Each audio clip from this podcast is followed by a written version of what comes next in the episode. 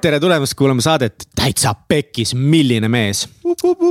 Uh,. täna on meil äh, vinge saade teile, siis meil on siin äh, Illimar Pilt, meil on siin David Mikomägi, meil on siin Mihkel Vetemaa aga enne seda, kui sa tänast ägedat saadet saad kuulama hakata, siis äh, nagu ikka, kui see saade puudutab sind, liigutab sind, kui me katsume sind kuskilt sügavalt seest, siis jaga seda vähemalt ühe oma sõbraga. või jaga seda kõikide oma sõpradega, sest see aitab täiega meie tegemistele kaasa.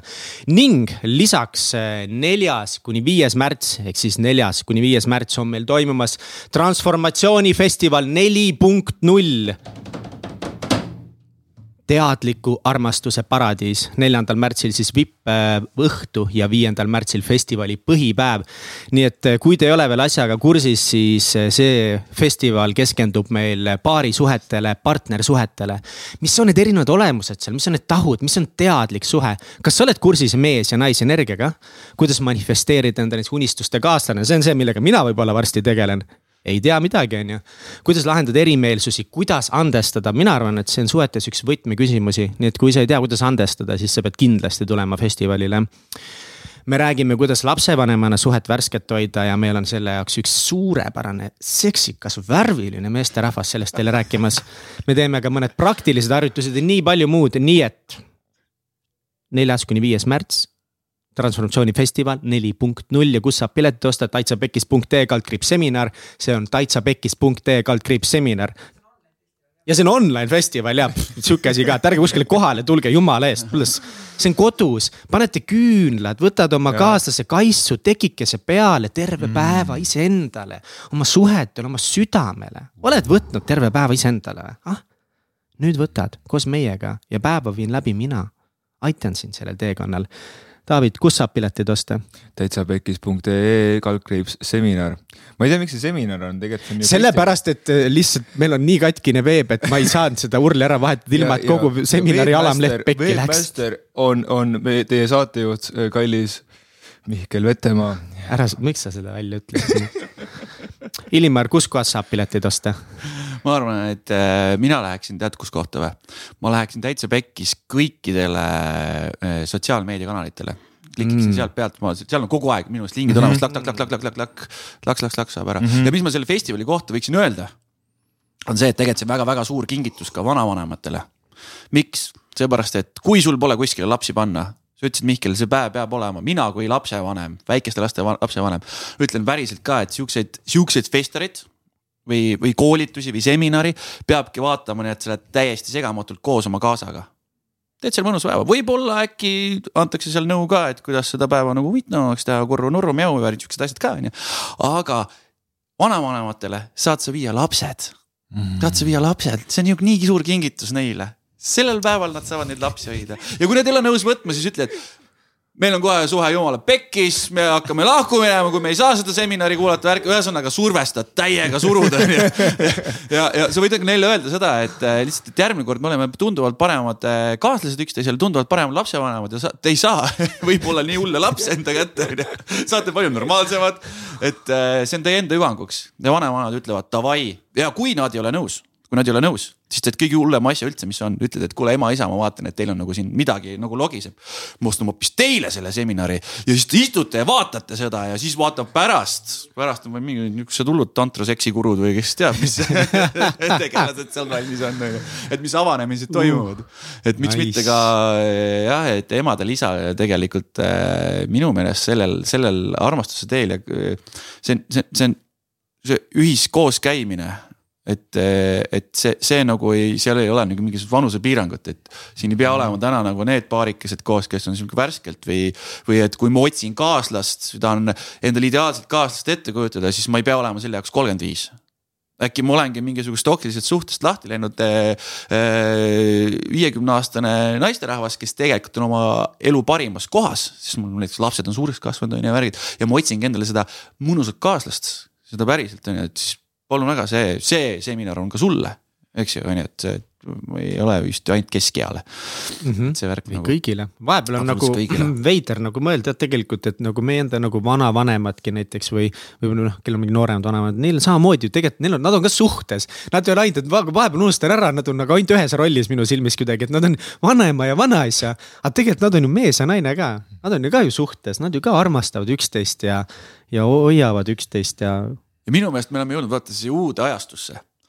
et eh, kui vanasti oli nõnnaviisi, et, eh, et maailm liikus suhteliselt aeglaselt. vaikselt see evolutsioon käis niimoodi rahulikult, on ju, et siis eh, vanemad ütlesid lastele, nüüd nii on nii nüüd niimoodi teeme ja, ja see ongi noh, looduse seisukohalt ka seepärast, et nagu meil on peegelneuronid siin sees on ju, et me hästi palju jäljendame ka vanemaid, me täidame nende nagu nii-öelda mustrit, mismoodi nemad nagu omavahel suhtes olid, kanduvad edasi ka meie ellu, et me võtame neid suhteid küll oma, omaks, on ju. aga, aga minu meelest need uued põlvkonnad, need on nagu nii-öelda mängumuutjad, game changer'id, et, et täna väga paljud lapsed juba õpetavad meid sest maailm nii kiiresti muutub. et äh, mina nagu tunnen vahepeal ennast dinosaurusena selles ühiskonnas on ju, ja mul näiteks seitsmeaastane laps juba saab ühte-teist ette näidata mulle, sest see tundespekter ja muu maailm, nemad on palju rohkem avatud ja, ja, ja nad suudavad palju rohkem mulle õpetada mingisuguseid eri asju, et enam ei ole sihukest nagu no, diktatuurne kasvatamisvorm, nagu meil vanasti oli. nüüd kurat, poiss, teed ära, muidu saad rihma, onju. nii et lähed lapse juurde, aga teeme kokkuleppe no demokraatia kodus sul on ju, teeme kokkuleppe värgid. hakkad lapsele arutama, et kuidas me jõudma, jõuame kompromissini seitsmeaastase lapsega. no kuule, Vargamäel poleks mitte elu seeski keegi viitsinud hakata mingit kuradi kompromissi tegema, onju. aga mis sealt kohast tuleb, ongi see, et see laps õpetab sind niivõrd palju. ja täna näiteks meie saame, kui ma olen juba tunnen, et ma olen siin kohas, ma saan näiteks oma vanematele olla mingil määral natukene see suunamudija, näidata, et kuule, et ega hilja pole kunagi, et kuule, saab ka niimoodi et mm -hmm. ma ei tea, lähete käsikäes, käitegi kuskil, et teen mingi õhtusöögi neile näiteks on ju, et. Lähete käsikäes, teete selle, sest meil see toimis on ju, on väga hea nagu nii-öelda suhte värskendaja või. ma ei tea, kingi vanematele enda spa on ju, et lähete lobistate ennast seal on ju ja, ja, ja, ja korras on ju ja räägin ka, et. näiteks meil oli siin väike sihukene issue, väike sihukene suhtedraama, mis ikka tuleb ette suhtes, see on täiesti loomulik osa, neid ei tohi karta. ja me lahendasime selle asja niimoodi ära et istusime maha, panime küünla põlema tegime väikse suhteauditi. vanemad vaatavad selle lolli näoga otsa, what the hell, suhteaudit, mis asi see no räägite südamest südamele, mis nagu mured on. ei, ei tea, no kuule, me, me vanemad küll niimoodi kunagi teinud ja asjad, vot ongi ajad on muutunud, nüüd lapsed näitavad, mismoodi need asjad käivad, eks ju, et. ja, ja, ja toimetada, et jah, kus ma selle jutuga tahtsingi jõuda kokkuvõte, et, et siis kui sa lähedki näiteks sellele seminarile, siis see on kasulik ka su vanematele, sest sa saad näidata seda ette, kui nemad näiteks ei, ei pruugi seda asja vaadata. et äh, ma usun, et sealt nagu võidavad kõik, nii lapsed kui ka sa ise, et äh, annab nagu tervele sellele dünaamikale selle ruumi just selle suhte tasandil, sest see on niivõrd oluline nagu, et see terve suhe seal. ja vot see terve suhtest, mis ma tahtsin veel rääkida näiteks, et mul kallis kaasa Katju, et mida me nagu kodus ise oleme nüüd praktiseerinud, on see, et et kui me satume konflikti, siis tema kodumuster oli selline, et vanematel kunagi ei sattunud siis laste ees konflikti mm. -hmm. ja, ja mis nagu juhtus selle asja juures on nii, et täna, kui Katul tuleb mingisugune konflikt ette, kas siis minuga või tütrega, siis see hõlmab tervet maailma, tema maailm nagu nii-öelda zoom itakse täpselt ainult sellesse konflikti. midagi muud ei olegi enam olemas kõik kaob ära ümberringi, ehk siis see on maailma lõpu stsenaarium tema jaoks. sest ta ei ole konflikte kunagi näinud, kuidas lahendatakse ja kuidas nagu, et see, see ei ole võimalik lihtsalt, et inimesed lähevad tülli. sest tema kodus, kui väike oli, niimoodi ei juhtunud kogu aeg oli happy pupi, õnnelik lapsepõlv. mul oli suht sama jah. no vot, aga see õnnelik lapsepõlv, et see, sa võid hoida last nagu nii-öelda selle vati sees, aga see lõpuks ongi, lõikab sulle sõrme ja tulistab endale ise jalga. ja täna on niimoodi, kui meil tuleb konflikt, siis me ei pea lapsi saatma selle jaoks teise tuppa selle kõrval vaatavad, mis mõttes tema isa on, mis ta siin tõstatas siin häält ja käibki üksteise peale väike sihukene lahing on ju. aga me näitame ka, kuidas seda konflikti lahendada.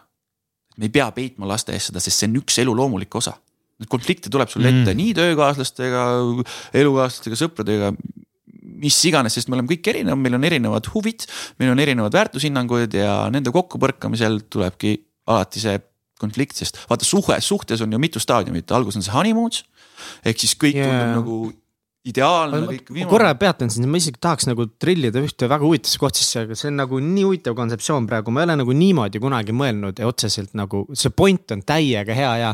sest noh, esiteks nagu ülilihtsalt kokkuvõttes nagu head, ma kardan ka nagu konflikte täiega, nad on nii hirmsad mulle, sest. minu vanemad ka kunagi nagu ei tülitsenud, aga nad ei tülitsenud üldse eriti, sest nad lihtsalt ei rääkinud asju. Nad olid nii ratsionaalsed ja nad olid noh, et nad ei tegelenud väga sellega, nii, aga ärme sinna praegu lähe. ja ja laste ees nagu oma nii-öelda nagu seda musta pesu pesta mingis mõttes on ju, korra nagu tundub, võib visata kõigile kohe, et oot-oot-oot-oot on ju. -hmm. aga sa ütlesid selle võtmekoha nagu, et, et te ka näitate, kuidas lahendada seda, et see on nagu väga huvitav, sest ma kohe näen nagu seda punast lippu siin, et. kui sa laste ees nagu tülitsed oma elukaaslasega, et, et sa jätad nagu võib-olla mingi signaali ka, et, et on okei okay, nagu teiste inimeste erinevusest lasta ennast häirida või et noh, noh, et, et justkui nagu tekib see tunne, et aa, et ma võingi teiste peale häält tõsta, kui mulle ei meeldi, kuidas nad käituvad, kuigi tegelikult nagu otseselt ei või, samas sa pead konflikte lahendama, aga oluline ka see, et kuidas sa teed, et. et räägige võib-olla sellest, et kuidas nagu, kas te reaalselt siis karjute üksteise peale laste ees ja kuidas te siis nagu, kuidas sa hoolitsed selle eest, et Mm -hmm. et nad siis näevad seda konflikti lahendamist ja see on väga huvitav kontseptsioon, ma polegi sihukest mõtteviisi kuulnud veel vist. et kuidas, kuidas praktiliselt välja siis näeb, on ju, sa mõtled seda siis Mihkel mm? -hmm. siin ongi selle, see suhtedünaamika, et algus on nii-öelda honeymoons, kus on kõik lahe, sa lähed kuskile uude kollektiivi, laps saab uue sõbra, mina saan uue kaaslase, siis kõik on nagu hästi ideaalne, tema on ideaalne, see on honeymoon, siis on armumisfaas on ju. siis tuleb konfliktide lahendamine ja siis see ongi see tavaliselt konfliktide lahendamine, et tuleb konfliktide periood see algus, esimesed konfliktid on hästi suure pauguga, seepärast et äh, kui sa avastad, et su kaaslane polegi ideaalne, kui sa, sõber avastab, et kuule, mis sa mängisid minu mänguasjaga või. et sa tahad sinna minna, aga ma ei tahagi sinna minna, onju. või, või näiteks tööl, et äh, vaatad, et mida asja see töökaaslane, see keeras hullukäkki kokku ja siis ajab nagu minu kaela, onju, ja siis tekivad need konfliktid ja aga need esimesed konfliktid on hästi suured ja need lihvitakse maha, siis hakkab nagu pisikeste konfliktide lihvimine, et see koost- ja siis hakkab, kui see on nagu möödas, on ju, siis hakkab koostööperiood. kui on honeymoons, konfliktid, siis hakkab mm -hmm. koostööperiood ja see koostööperiood kestab edasi ja kui see koostööperiood on, kui ta on nagu ütleme siis nagu viljakas ja, ja arenev, siis seal tekivad minikonfliktid alati mitte nagu vaata sul vanematel juhtus, et no ei rääkinud omavahel mm. -hmm. et, et siis tähendab seda, et toimub areng, ehk siis südame kardiogramm kogu aeg käib, ehk minnakse üles-alla ja tekib nagu teatud tasakaal. aga kui oleks kogu aeg tasakaal ehk siis pikk ühtlane kriips on ju, siis tegelikult noh, areng puudub. ja, ja, ja need minikonfliktid, neid me siis nii-öelda laste ees näitame, miks see vajalik siis juba lastele on, on see, et lapsed omavahel lähevad ka konflikti, meil on kolm tütart ja, ja mismoodi siis nemad hakkavad neid konflikte lahendama, lahendavad nii nagu ürgaju lahendabki, et, et kui nii-öelda sa satud sellesse põgene ja jookse või, või kaitse mode'i ehk sul aju lülitatakse sisuliselt välja ja hakkab tööle siis ürgaju on ju siis mis sa teed, on see, et sa hakkad teise peale karjuma või siis lähed kättpidi kallale. lapsed yeah. tihtilugu lähevad kättpidi kallale, siis sa võid sinna juurde minna, ütled, et oo, oo, oo, et nii ei tohi, meie neid asju ei lahenda, eks ju.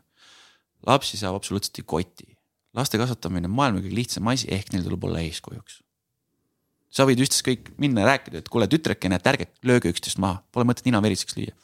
rääkige sõnadega, tehke sõnadega. nüüd on nii, miks te karjute üksteise peale? Ärge karjuge, on ju nii, et kui sina ise oma kaasaga lähed tülli, konflikti, sa ju karjud ja, last ei huvitanud see, mida sa rääkisid, sest temal on need peegelneuronid, tema vaatas, ahaa, MS-i tegid niimoodi, ma teen ka nii. ja see on okei okay.. sa lähedki endast välja, su aju lülitab välja.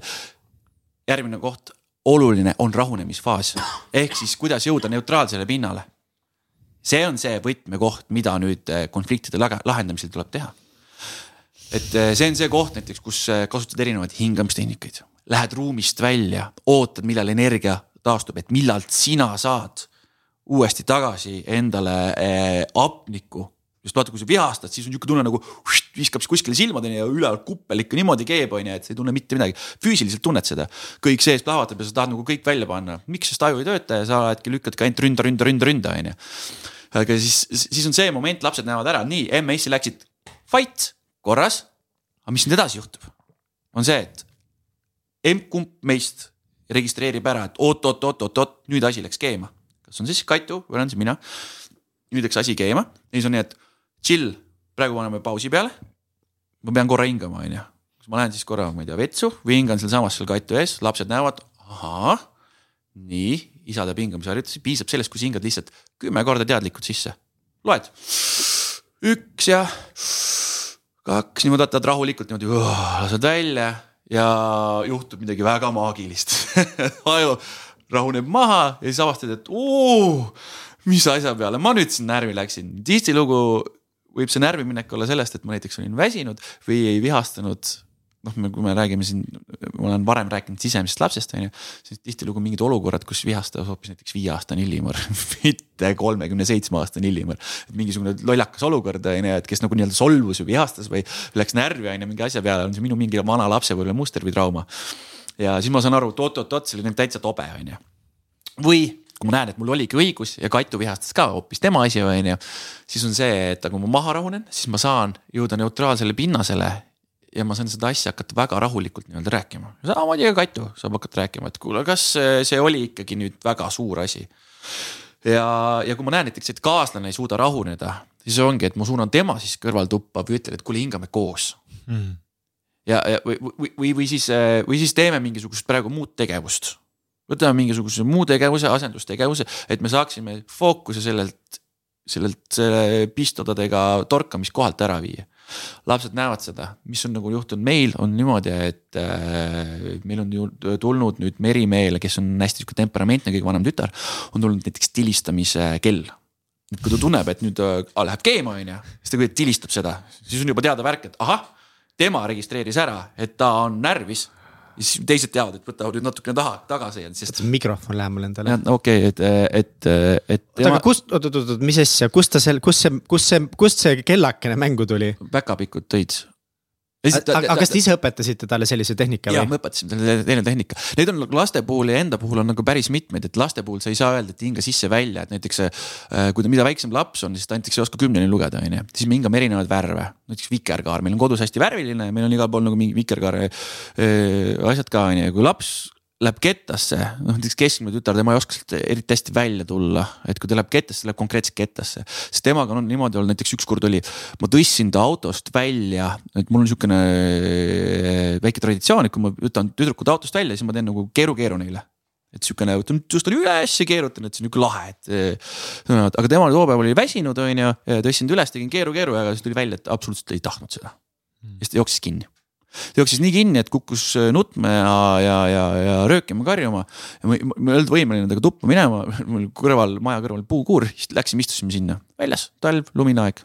istume sinna ja ta ainult pani järjest.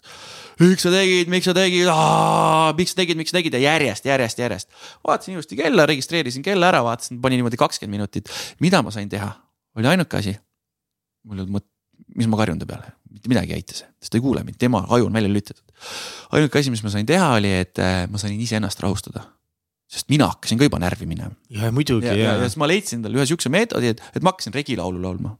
lihtsalt laulad regilaulu, et vaatad puukene riidas, puukene riidas alle, alle ja no vaata, mis ümberringi nagu paistsid on ju, siis laulad niimoodi ja see kuidagi mind alateadlikult rahustas ja siis niimoodi vaikselt vaata, seal kui sa laulad regilaulu, siis seal nagu kõigutad kehaga ka kaasa, onju. siis kõigutasin kaasa, onju, siis ta hakkas niimoodi vaikselt, hakkas ka niimoodi ümisema, täitsa suvaviis, täitsa asi.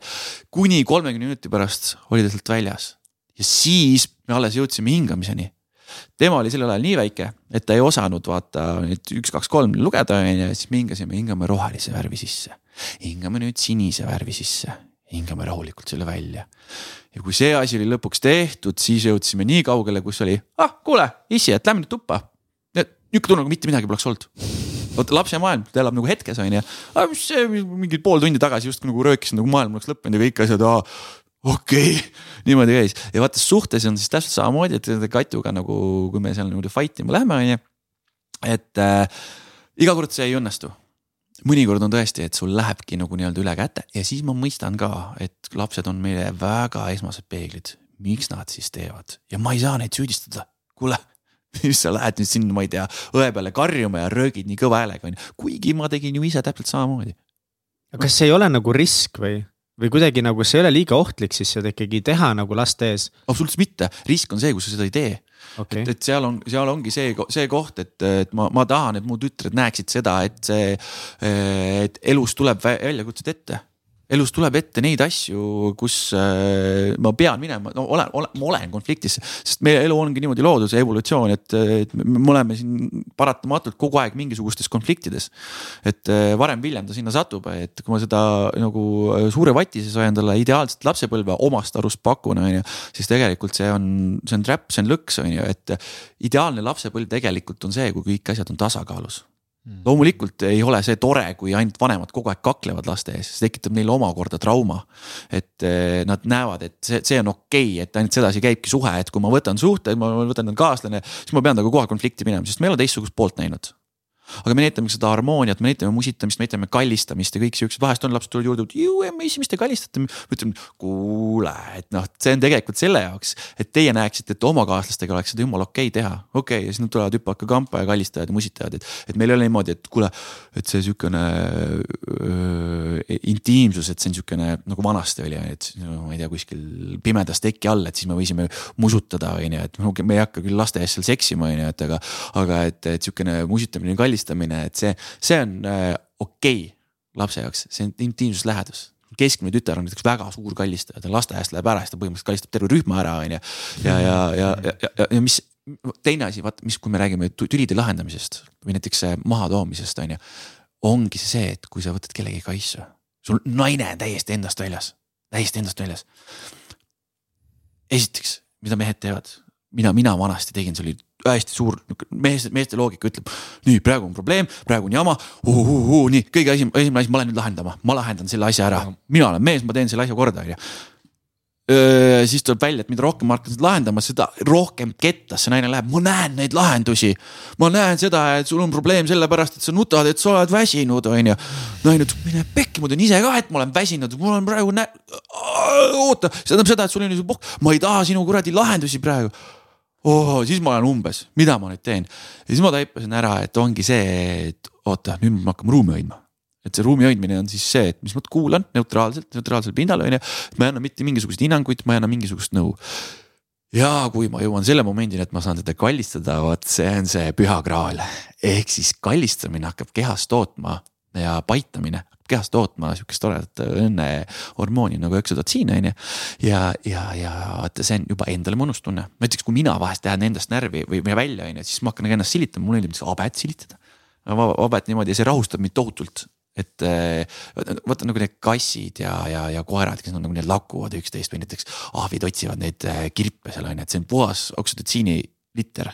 et see on nagu nii-öelda selle sideme loomine ja mhm. mul on nagu tütred ka selle ära õppinud, sest ma äh, hästi suur kaisutaja nagu tütartega, et, et nad ongi vahest ronivad nagu nii-öelda kaisu ja siis nad ongi paitavad mind ja siis oled siin, sa lihtsalt oled, sa lähed nii hetke sa ei mõtle millestki ja siis sa oled nagu seal, see on nii mõnus nagu, ma ei mõtle millest, mitte millestki ja siis sa oled nagu supled selle, selles nagu, selles nagu selle kaifi tundes, sest see pisikesed käekesed tulevad.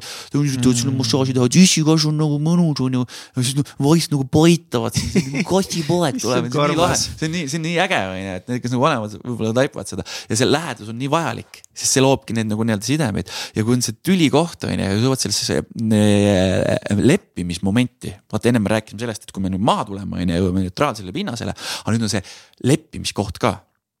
ja, ja see on nagu lastel on väga raske öelda, palun vabandust mm,. et miks? Äh, üldse see on nagu keeruline täiskasvanutel ka. ei no nagu tegelikult küll jah. sõnapaar, palun, ma olen ühte videot näinud sellest, kuidas äh, isa-tütar shoppasid, viieaastane tütar oli, isa-tütar shoppasid ja, ja siis äh, üks naine rääkis telefoniga samal ajal ja siis see lükkas, lükkas mingisuguse purgi maha, mis oli tütre käes on ju ja see kukkus maha. siis ta vaatas nagu tütrele otsa või selle tüdrukule otsa on ju ja siis nagu äh, kehitas õlgu, kõndis minema. ja siis isa nägi ka seda olukorda ja ütles, pole midagi, kutsume selle poetädi on ju. ja siis tütar, tütar ütles isale, et aga issi, miks ta, miks ta ei öelnud palun vabandust noh, ta rääkis telefoni, tal oli kiire, aga sa oled mulle õpetanud, et palun vabandust tuleb alati öelda mm. -hmm. siis sa vaatasid, no pagan, ma noh, kui ma nagu noh, ja tõepoolest, sul on õigus, et kui ma praegu nagu ei oma sõnadele vastu hakkan, on ju, siis sa ei õpi sellest kunagi. Läks selle naise juurde ja koputas õla peale, et kuule, sorry, et ajasid mu tütre selle asja maha, et öelge talle palun vabandust. naine vaatab nagu räägib telefoniga, kuule, sa ei näe, et ma räägin telefoniga, mis, mida sa teed, on ju, mis imbetsill oled. et ei, et ei pea midagi muud tegema, et pange korra lihtsalt telefon kõrvale, on ju, et te isegi ära lõpeta oma kõnet ja öelge talle lihtsalt palun vabandust, ainult kaks sõna. palun vabandust, ongi kõik. ja see, see naine läks nii kettasse, ütles, ei ja lõpuks oli niimoodi, et äh, see tütar, tüdruk läks ka juurde, et no ütle siis on ju, et palun vabandust mulle, tulid lõpuks seal poe turvatöötajad, lõpuks oli mingid politseinikud, kes seal poes soppusid, tulid sinna, see naine oli juba käed raudus. oli seal kassa peal, ta räuskas ja möllas ja siis tüdruk läks talle vaatas silma, ütles, et tädi. minu isa ütles mulle, et need on kõige lihtsamad sõnad, ainult kaks sõna palun vabandust ja muud ma ei soovinud, et sa ütleksid. ja siis ta ütles seal pisar silmi, palun vabandust ja siis nagu mul endal ka pisarad jooksid, see oli nii südamlik nagu see hetk on ju.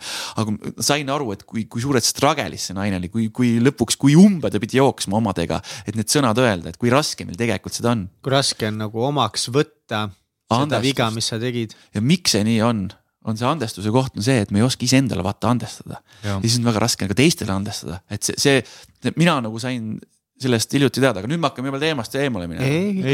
no okei see andestamise koht on ju, et kui see, see fight ära toimunud, võib-olla ma kohe ei saa öeldagi. palun anna andeks. seepärast, et ma tunnen, et mul on ikkagi noh, mingisugune, see oli minu solvumine ja see kõik oli mm. -hmm. et see, võib-olla ma seda momenti ei saa, no ma lähen kallistanud, ma lähen kallistan oma kaasat ja ütlen, mul on kahju mm. -hmm. nii läks, mul on kahju, tähendab seda, et ma ei võta kõike seda süüd, seda endale, me jagame selle kahe peale ära me koos läksime sellest konflikti, me jagame selle kahe peale ära ja meil on tõepoolest mõlemal kahju, et nii läks. ja, ja me ei pea kumbki tundma, et me oleme nüüd nagu alla jäänud pool või mm, -hmm. või midagi sellist, et, et mul on siiralt kahju, niimoodi läks. ja, ja ka lapsed õpivad sealt.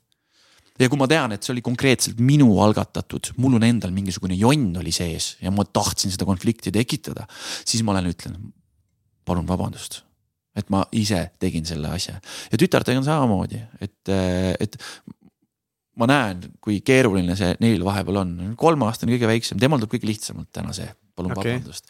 et, et, et ta ei ole kuidagi jõudnud sellesse valehäbisse või, või sellesse mm. kohta, et mm. ma pean nüüd hakkama kuidagi nüüd ennast alandama või, või et noh mul on nagu raske nagu nii-öelda endalt, et see on minu õigus ju või et endalt andeks nagu nii-öelda paluda.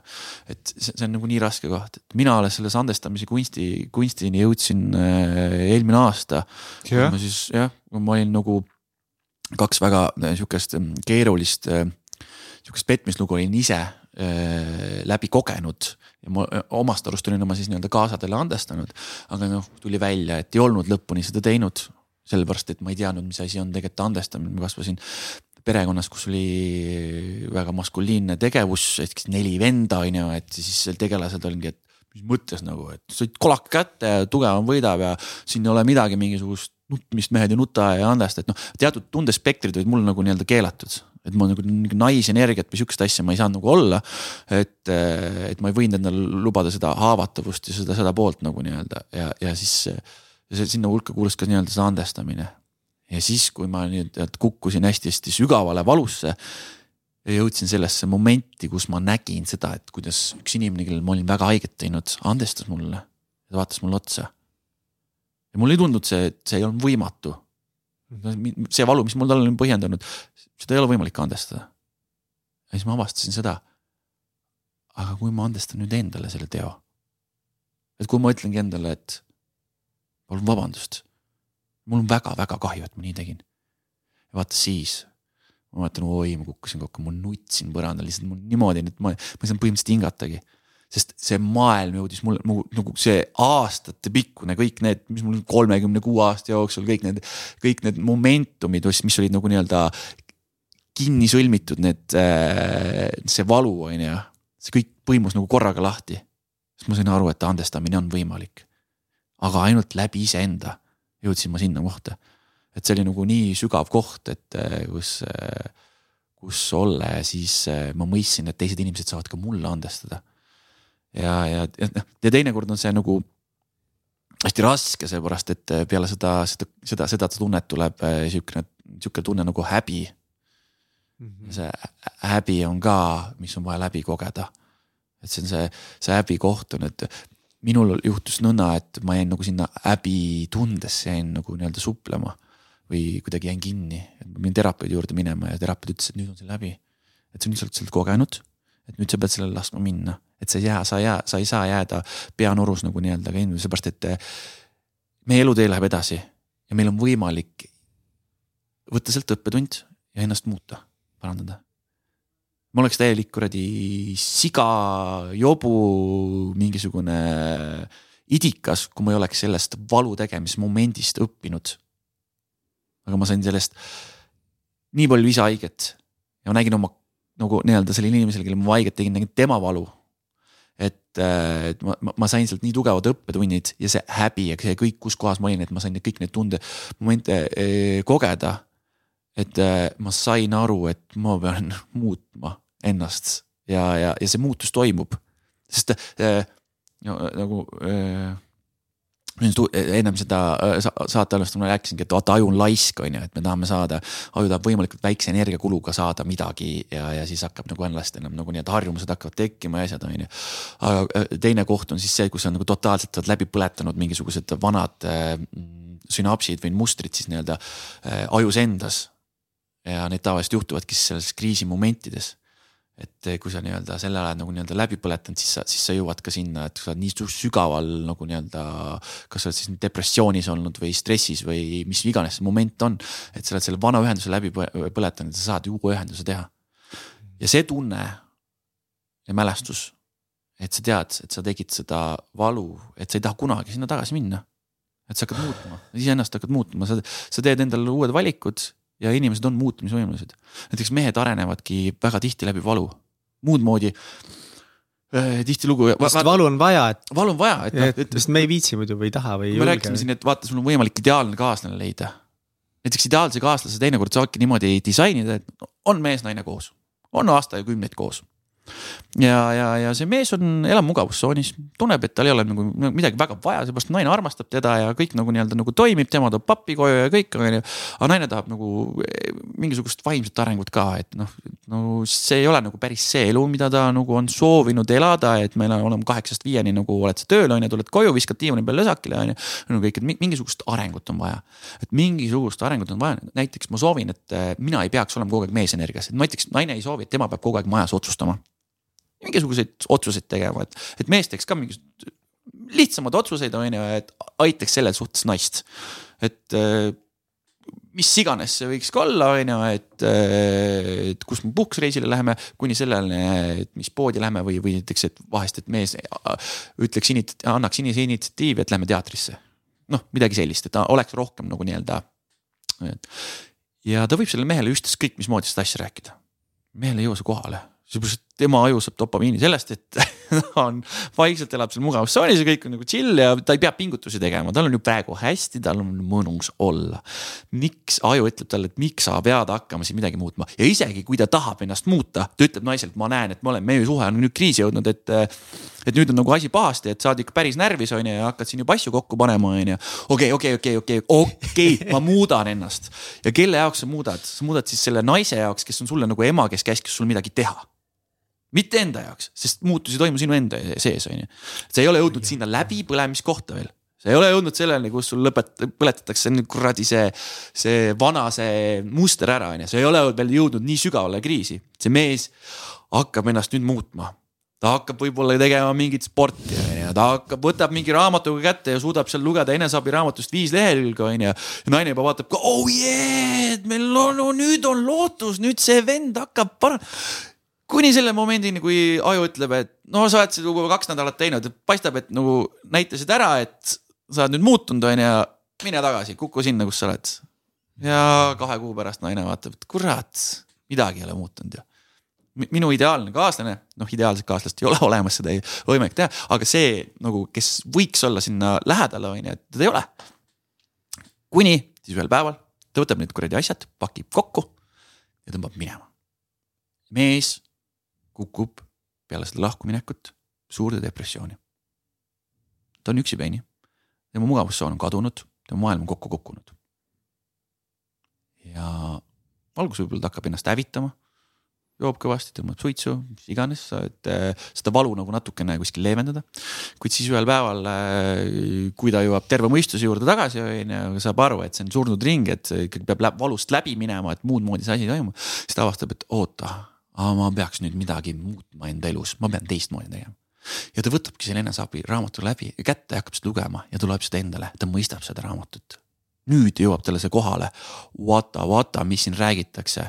Mis siin räägitakse, mina saan iseenda elu juhtida näiteks, mis iganes fundamentaalsed tõed. et ma ei pea töötamagi kaheksast viieni, et ma saan olla hetkes, ma saan olla oma pere jaoks.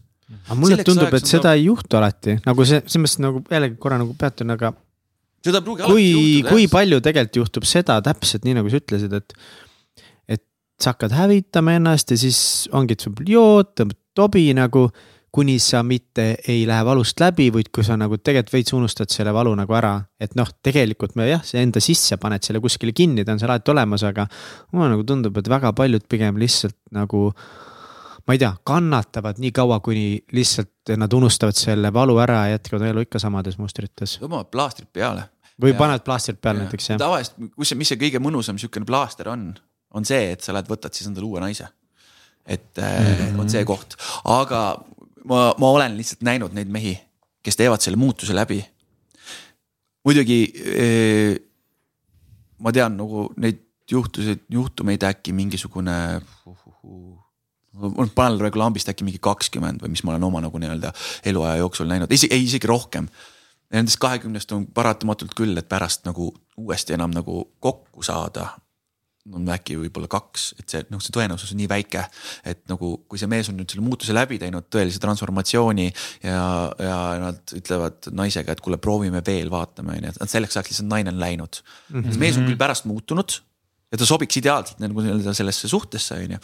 aga noh, need suhtekriisid on ka tegelikult täitsa okeid, sest suhtekriisid tulevad elus ette Neid tuleb nagu läbida ja peale igat suhtekriisi tegelikult algab uus suhe. et sa lõpetad vana ära selles staadiumis ja hakkad selle uue dünaamikaga pihta, et äh, et see on nagu no, no, paratamatu, kui see mees on selle muutuse läbi teinud, aga jah, tõesti, et, et kui me nüüd räägime sellest äh, valust, siis valu on nii ebamugav ja see tänasel päeval nagu me supleme sõltuvuste maailmas mina, mina ise olen ka sihuke sõltlane, et mul on, noh, ma võin öelda, et ma olen alkohoolik, on ju. et ma täna äkki pole nelisada viiskümmend päeva äkki juba joonud et tilkagi alkoholi võtnud. Et noh, inimene, kes loeb päevi, järelikult tal peab ikka probleem olema, on ju. et. nelisada viiskümmend. nelisada viiskümmend ja mul on eesmärk praegu tuhat päeva, aga see on mul tulnud imelise kergusega seekord, ma olen varem ka teinud mingisuguseid kolmesajaseid ja viiesajaseid siukseid täiesti selgeid olekuid, on ju. et mul väga hästi mõjub see, aga iga kord oli mul siis see kuklas see, et ma tahan kärakat panna mingi moment, aga nüüd on nagu sihukene asi, et mul absoluutselt pole mingisugust tungi ega vajadust, et mindset on nagu teistmoodi, et isegi kui ma olen kuskil seltskondades või üritustel on ju, et see on nagu mul see ei toida enam mind, et ma olen sellest aru saanud, et ma olen selle emotsionaalse valu ära lahendanud, mida ma alkoholiga siis peitsin. et ja kui ma nagu sellest teadlikuks sain, siis käis vola, et käis Eureka on ju ja mul ei ole nagu seda, mul ei ole keeruline teha ühesõnaga seda. aga et me oleme siin nagu nii-öelda sõltuvuste maailmas elame, et me üritame nagu i, kogu aeg kuskilt mingisugust mõnulitakat saada. ja, ja see on nagu loogiline, sellepärast et meil on aju niimoodi ehitatud, et, et vana teada Jürg Aju, ma just lugesin see ekraani aju läbi, et, et kuidas nagu nii-öelda see toimis see ürgaju, et me saame siis igalt poolt seda dopamiinilitrit on ju, et. ja meil on see kõik nii kättesaadav, olgu see siis see nutitelefon, olgu see siis kärakas, suits, nikotiin, mis iganes, on ju. et me saame kogu aeg mingisugust mõnu doseerida endale sisse.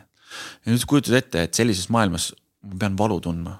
noh, ma mäletan seda, et kui läksin, kukkusin endal rattaga mokapuruks. Niimoodi, et esihambad läksid läbi üle ulo üleoolest läbi nagu, et ma tõstsin nad siit välja. Ja, ja siis äh, õmmeldi see kõik asi sealt väga ilusasti filigraanselt kinni onju ja siis äh, arst ütles, et pani mulle mingeid totsikutäie valukaid, et, et sa ei tohi nagu nii-öelda valu kogeda või tunda, et tänapäeval meditsiinis see ei ole nagu okei okay,, et, sa ei tohi seda kogeda või tunda. et äh, see siis neid valukaid, mulle väga ei meeldi nagu keemiat endale sisse ajada, esimene päev võtsin, teine päev vaatasin, et kuule, tead see nagu kõige hullem ei ole. Et nagu nii-öelda ma, ma lähen siit läbi. ja noh, mul valu läbi tegelikult selles mõttes suurem ka, et kui mõnel teisel inimesel. Ja, ja läksin sealt läbi, et äh, kogesin seda. Ja mis see valu mulle andis, oli see, et ma suutsin hetkes olla. ma nagu, ma olin nagu väga-väga kohal sellel mhm. ajal, kui see valu tuleb, seepärast et sul kaovad igasugused muud mõtted ära, igasugused segad mõtted, sul kurat tunned sa ainult seda, seda ebamugavust või seda valu on ju. ja tegelikult see on väga-väga lahe koht, kus nagu nii-öelda olla, sest meile mhm. tihti läheb, viibime seal nagu seal hetkes. ja sama asi nüüd selle südamevaluga ka, et kui ma siin olen siin nagu lahku läinud siis naisest on ju ja mis ma siis on, et ma olen selle valiku ees, et kas siis nüüd nii-öelda sellest valust läbi minna või hakata neid valukaid sööma. kõige parem ongi see kuradi enesehävitus on ju, et ma lähen siis selle selle asja, asja kallale, aga minul näiteks on äh, kuidagi niimoodi läinud, et kui mul on väga suures valus olnud, äh, näiteks suhtealaselt just, et äh, instinktiivselt siis mu keha tahab hoopis dopamiini saada liikumisest, ma hakkan meeletult trenni tegema et äh, ma võin mingit, ma ei tea, maratoni joosta ja kõik siuksed asju, et. et kui mul on see jama, et ma, ma, ma pean olema siis üksipäini. Äh, ja mis selle liikumisega kaasneb, on see, et tegelikult äh, aju hakkab tööle palju efektiivsemalt et kui ma alkoholi joon, siis ma kustutan aju ära, on ju, hävitan seda või ma ei tea, nikotiini tarbin, on ju.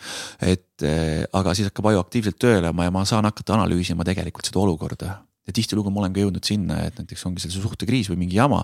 et ma jõuan siis selle analüüsiga sellesse kohta, kus ma näen enda osalust, et ma ei pea seda kaaslast süüdistama, et ma näen nagu enda poolt eh, ma saan sellest eh, olukorrast ennast välja zoom ida.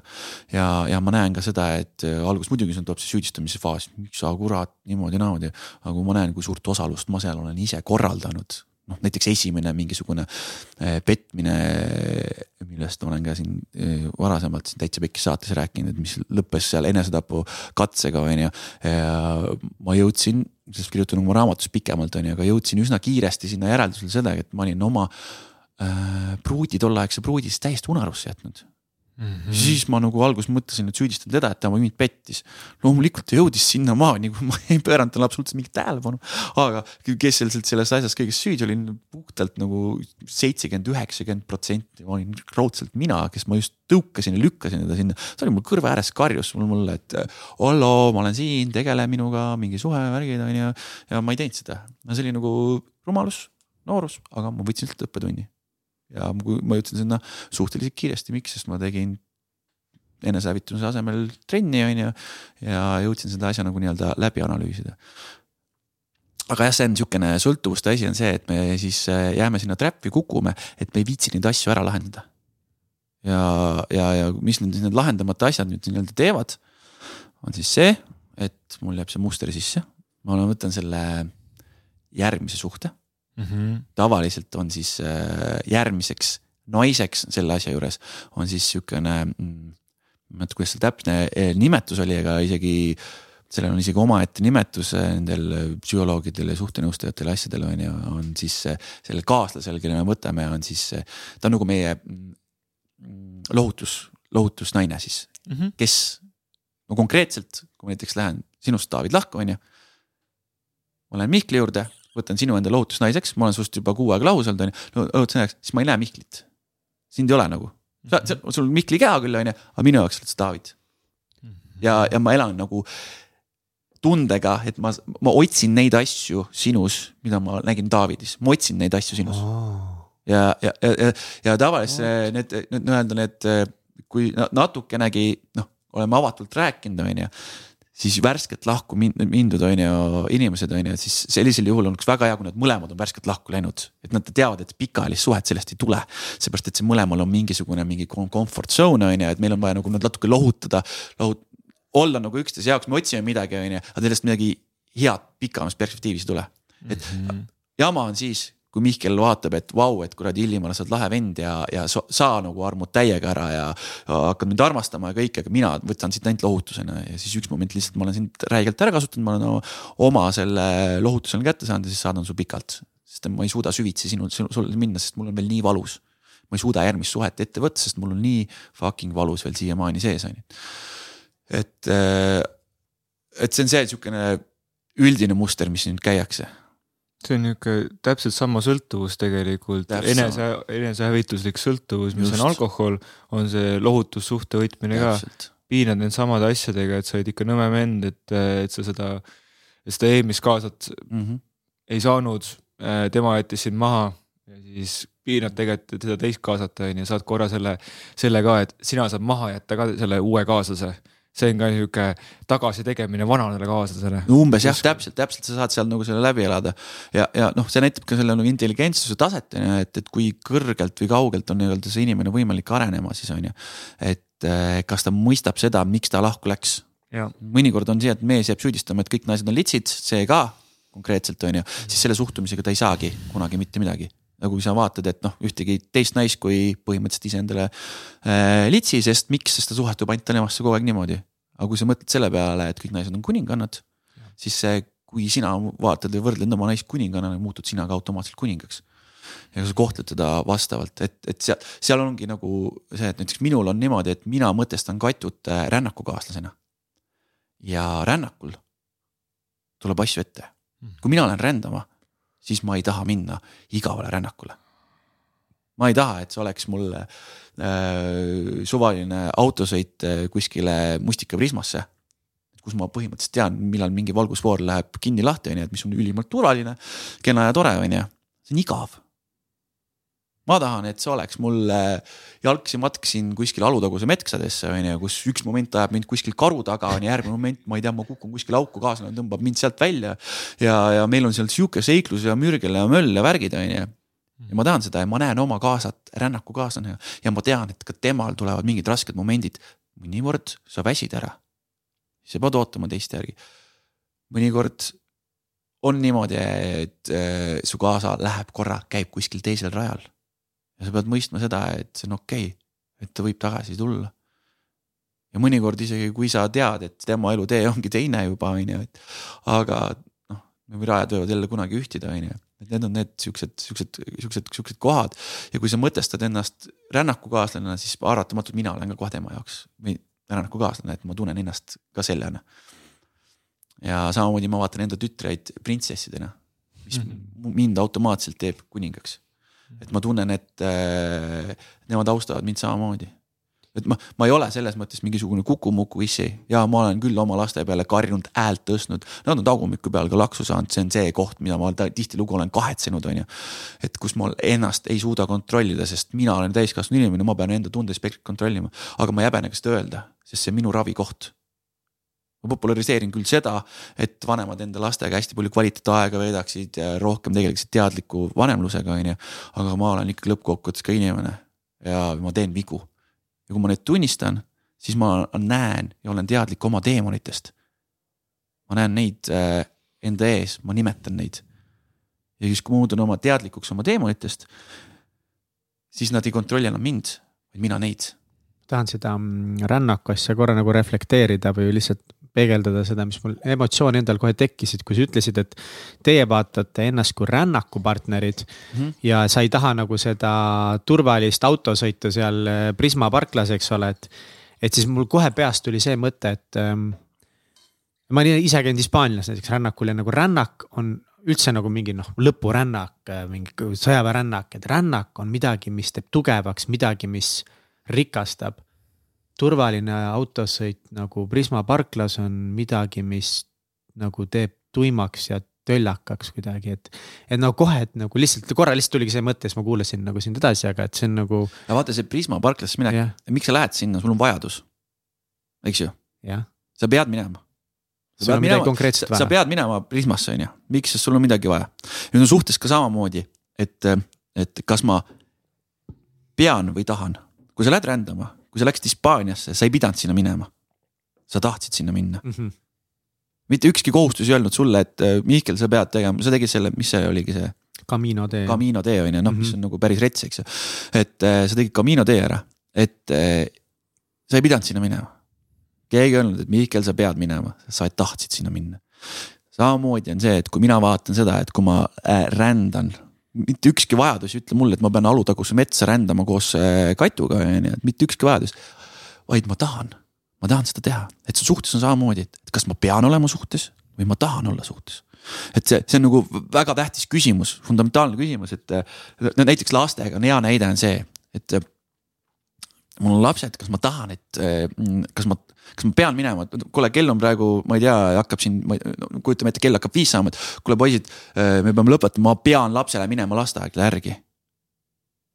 või ma tahan minna mm. -hmm. mina, ma väga tahan talle järgi minna, sest ta on minu laps. ta on ülimalt armas, ta on mulle tohutu palju toonud rõõmu ta on mulle toonud tohutu palju õppetunde läbi oma jauramiste ja asjadega, kõigest, on näidanud peegel mulle, on äh, kõik, ma, tahan talle järgi minna. kas ma pean oma rännakukaaslasega rändama? või ma tahan, et siin on ka see, see teekond on ka, et kui ma, kui ma võtaks selle Prisma värgi, siis ma, siis ma peaks, noh. vanasti oli tihtilugu olid neid suhteid, mis on, et ma ei tea, nagu mul isa esimene naine oli, said kokku äh,, tore, kõik oli kena, tegid seda vanainimeste köhmivärki, on ju, ja, ja siis juhtus sihuke värk, et jäi rasedaks, on ju, ja siis vanemad ütlesid, et nüüd on sihuke lugu, et äh, meil on siin siuksed kombed, et nüüd, kui rasedaks jääb, siis pead, pead abielluma. ja väga paljud suhted olidki siuksed, et nii kui vanemad kokku said või noh, meie vanemad on ju, et siis nagu pidid ka abielluma ja siis eluks, eluks ajaks koos.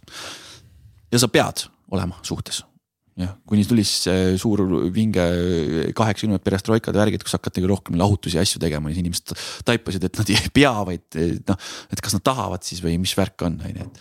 või ollakse, ma pean laste pärast koos olema. mis kuradi mustrit see lastele näitab, vanemate suhe on katki, nad on puruks.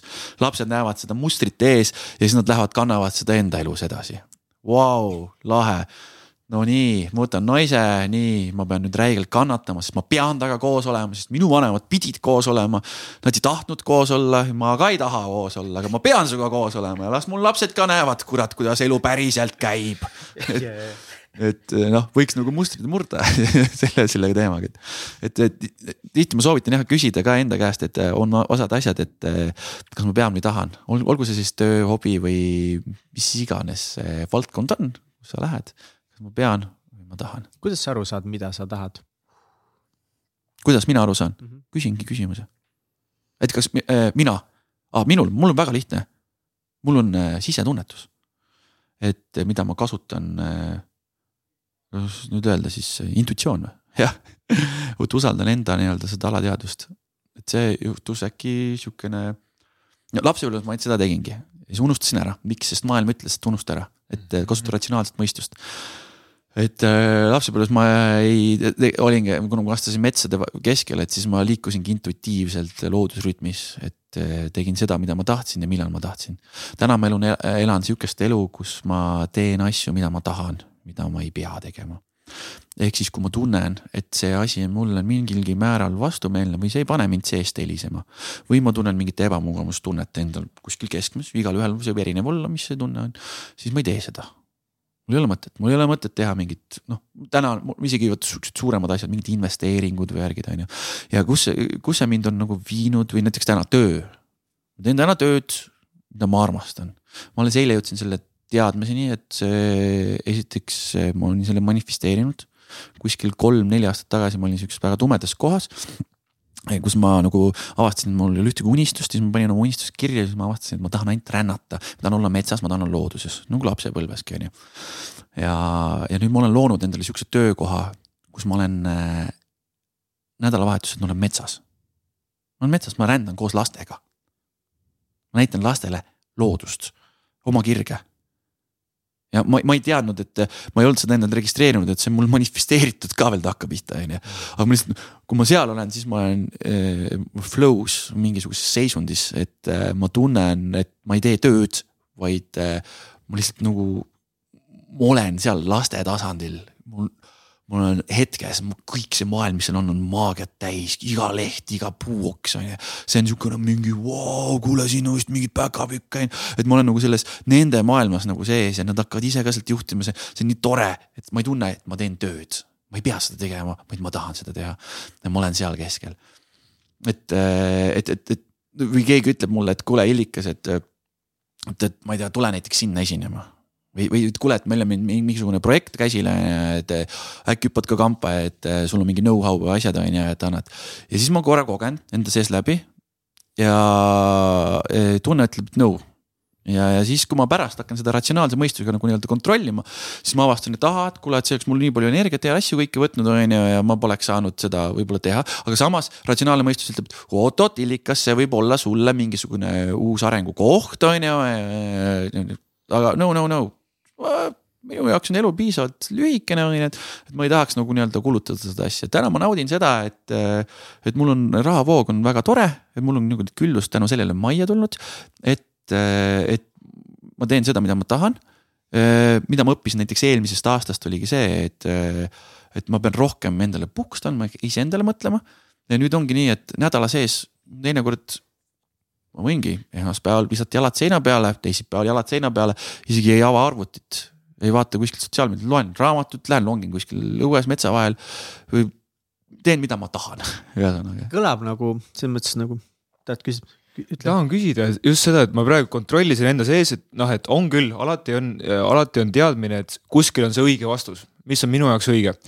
aga, aga teine, teisalt tuli, tuli üles see, et jube jah, et see on päris jube, on, on hakata seda jälgima, sellepärast et mingisugune maailm, mis ma olen ehitanud enda ratsionaalse peaga. a la käin tööl, on ju, mis on nagu enam-vähem, noh, sisetunne ütleb, et ma võib-olla peaks midagi muud tegema, aga kurat, aga siis läheb mul see kaks tonni kuus umbes läheb ära mm. -hmm mis, mida kurat nagu siis teha või kuidas, kuidas sellest kohast välja tulla, et ma olen ehitanud ratsionaalse peaga endale noh mingi, näiteks olengi ehitanud suhted, töö, hobid äh,, sõbrad ja nüüd järsku ma tunnen, et kõik on noh, et kui intuitsiooni kuulad, kõik on perses kõik on vale. mis, no kas, kas lasengi end vaba langemisse või et, et sa oled ju läbi teinud seda, et mm -hmm. kuskil, sa oled ju tulnud ka ratsionaalsest maailmast, on ju ei ole noh, kunagi olid intuitsioonipõhiselt, aga koolis kõik muud asjad ütlevad, et matemaatikaeksam on tähtis, ehkki intuitsioon ütles, et äh, üldse ei ole. no loomulikult vaata sõbrad ka ümberringi ju. Nad ütlevad samamoodi, et mida sa teed mina olen sealt tulnud sellest kohast, et tõepoolest, kui ma nagu palgatöö sinna paika saatsin, et äh, mind äh, koondati, mis ja. on minu jaoks hästi suur märk okei okay., ja mulle kohe pakuti tegelikult uut ametit. sama suure palgaga, kõik oleks nagu viimase peal olnud, et ühesõnaga turvatsooni tagasi. aga, ja, ja siis oligi see koht, kus ma usaldasin ja läksin hüppasin mõnikord on selleks vaja ka seal kuristiku ääre peal, kus sa lähed hüppad, on ju. on sul vaja seda inimest, kes natuke lükkaks, sõrmega tõukaks tagant. Minul oli Jesper Parve, väga hea, ma lihtsalt võtsin tema enda eeskujuks. ma nägin, et see mees on sihukese asja läbi teinud, järelikult see on võimalik kõige lähem, kõige lähem eeskuju oli mul, ta oli mul ka naabrimees sellel ajal, et füüsiliselt katsuda. lihtsalt ümberringi, kui ma vaatan sotsiaalmeediat või, või loen mingeid raamatuid, ma näen, et väga paljud inimesed on sihukese asja läbi teinud, ehk siis usaldus. usaldus, enda sisetunde usaldus. ja see on kuradi hirmus ja see hirm, noh, hirmud on ju evolutsiooniliselt need asjad, mis hoiavad meid elus. eks ju kui me midagi kardaks, lihtsalt läheksime, roniksime kuskile karu suhu ja see paneks meid kohe nahka korras midagi juhtuks, on ju. aga siin on mõned kohad on need, kus sul tuleb nagu nii-öelda lahti lasta ja usaldada. ja siis hakkavad imed juhtuma. see, miks minu jaoks mingi hull klišee oli see, et oo, kui sa teed seda, mida sa südamest armastad, on ju, siis tuleb küllus. no kuradi klišee, no ei noh, vähestel juhtub, joppamine mhm. veab neil. Need egod, mis hakkavad kohe sulle ütlema, mees, sa oled liiga vana, üks ego on ju, sa oled liiga noor, üks ego. sul on liiga vähe kogemusi, ütleb üks ego sa ei saa hakkama, kolmas ego on ju, ja seal juba tulevad need egod on ju, kes ütlevad, aga oota, kuidas sa siis hakkama saad, kui sul kahte tonni pole, on ju. ja, ja kui sa nüüd egod need surmad, ütled neile, et olge vahepeal tasa, et läheme vaatame korra, et mis, mis seal nagu teisel pool on. Ja siis tekib see okikepi, okikepi efekt, vaata see okikepp, et see on niisugune alguses see mada- või väiksem osa, kukud, kukud, kukud põhja, siis testitakse, kontrollitakse. hirmu tuleb juurde sa lähed neist läbi. hirmud, sõbrad hakkavad juba ära kaduda, vaatavad, et sa oled lollakas. nagu noh, mis mõttes on nagu, ma ei tea, sa ei võta enam viina ja siis sa no kuradi, sa ei ole normaalne mees enam ja siis sa ei, sa ei lähe enam tööle on ju hakkad mingit, ma ei tea, blogi pidama on ju, mis, mis sa teed, sa ei ole noh. Perekond, viimane, viimane õlekõrs vaatab, et kuule, lõpeta ära, mees. eluaeg on käidud, tehtud füüsilist tööd on ju ja see on muster siis, siis sa teenid raha, onju. ja sa hakkad nüüd mingit blogi pidama, mis, mis mõttes nagu onju. ja, ja sa oled juba selle kukkumisega ära teinud, onju. ja, ja tõesti need hirmud hakkavad juba nagu, aga lased ikka veel, et ärge rääkige, onju. ja siis tuleb veel lõpuboss, kaaslane kaasa. Katju ütleb sulle, minu Katju ütles mulle, et meil on autoliising, korterilaen. äh, kolm last ja sa ütled nüüd, et sa ei lähe tööle. ja nüüd mm -hmm. pead blogi. Neil on nüüd nagu pool aastat möödas sellest momendist, kui sa nüüd ütlesid seda. ja ma olen nagu, ma olen nagu väga hirmul, sellepärast et me, me sisuliselt sööme praegu makarone. ma ütlen usalda, usalda. ma ei taha usaldada ma, ma, nagu ma, mul on umbes siiber on ju, ma ei taha seda elu enam rohkem elada, et ma ei tea, mis homne päev nagu nii-öelda toob no, kuule, ma, ma näen, et siin asjad nagu nii-öelda, ma tunnen enda sees, ma tunnen enda sees, et asjad liiguvad, ma usaldan. aga mida sa siis nagu. siis sa jõuad sinna okekipp vaata alla, on ju. ja siis, kui sa sealt oled läbi käinud, aasta otsa käisin nagu sinna allapoole, allapoole ja siis käib see.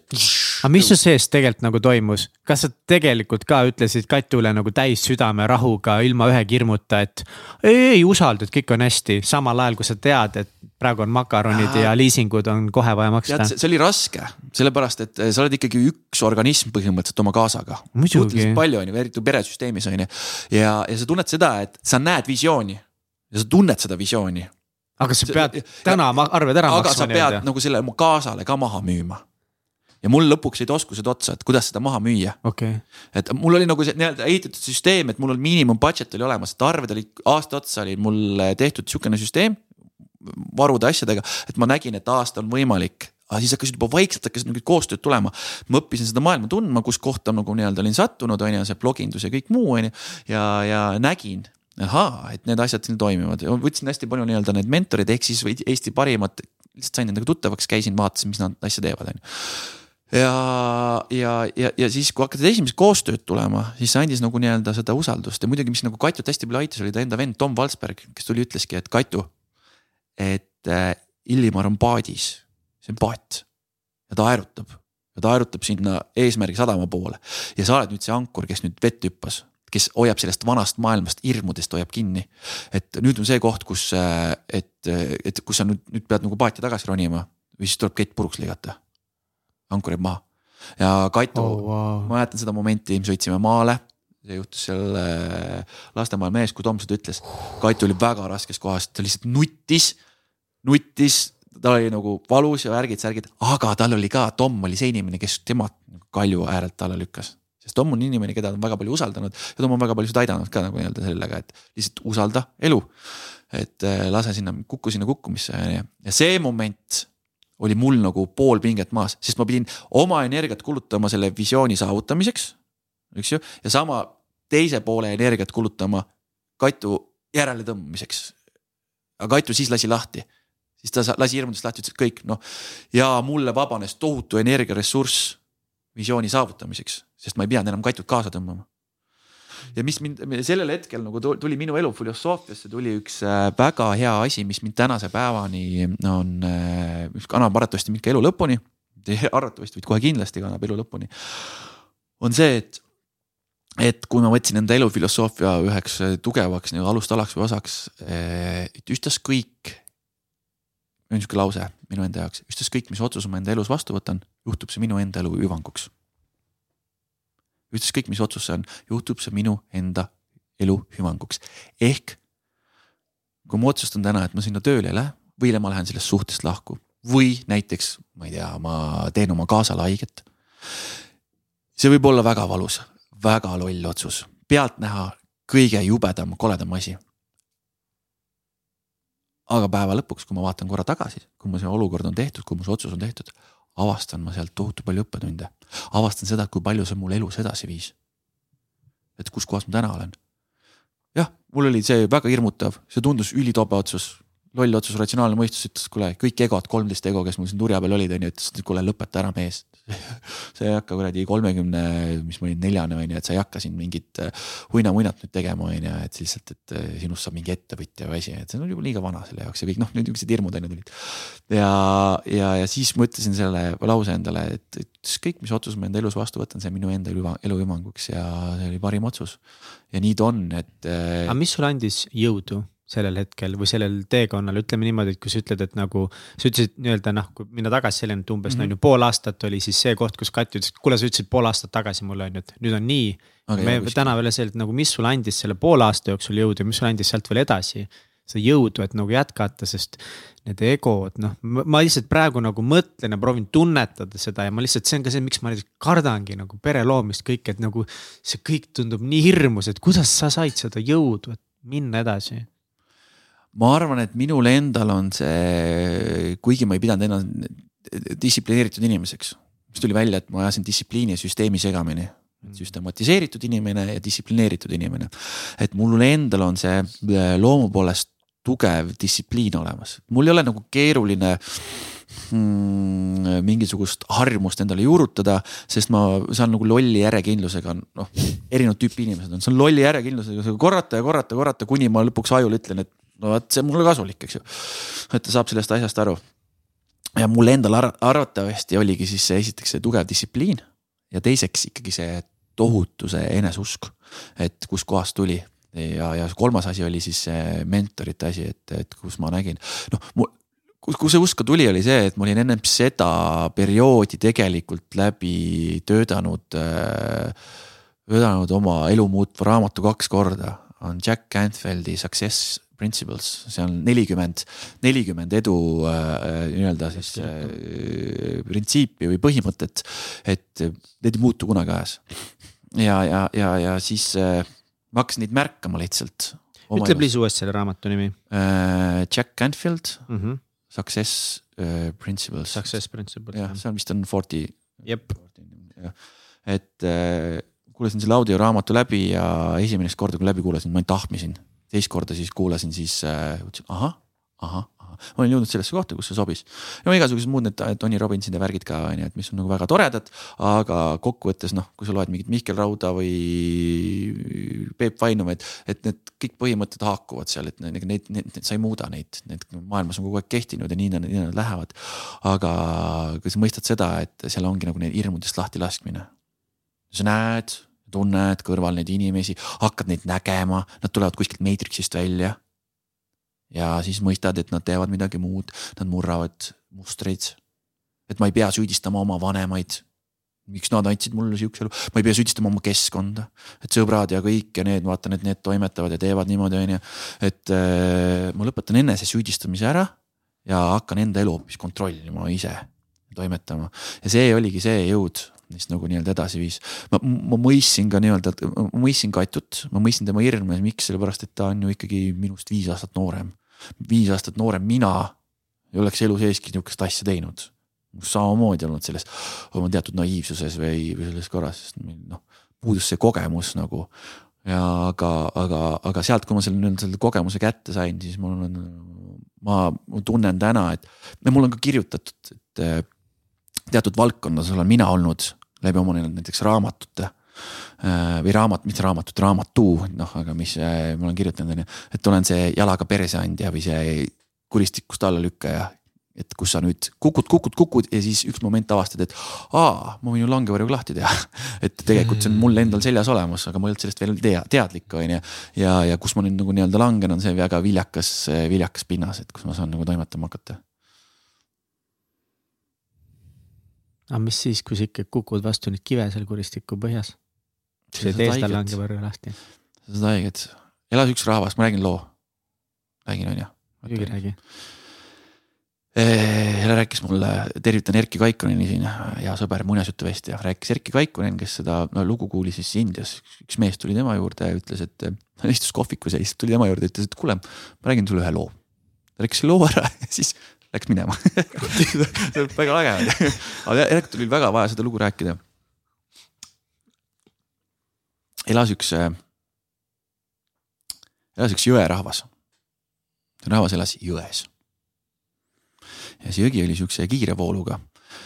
ja kui seal jõerahva külla, sihukeses toredas külas on ju, ja sinna külla äh, keegi sündis siis äh, sellele lapsele õpetati juba imikust saadik äh,, kuidas kinni hoida. sest kuna see vool oli hästi tugev seal on ju, siis tuli kogu aeg kuskilt kinni hoida. muidu lihtsalt noh, vaata vool viib su ära.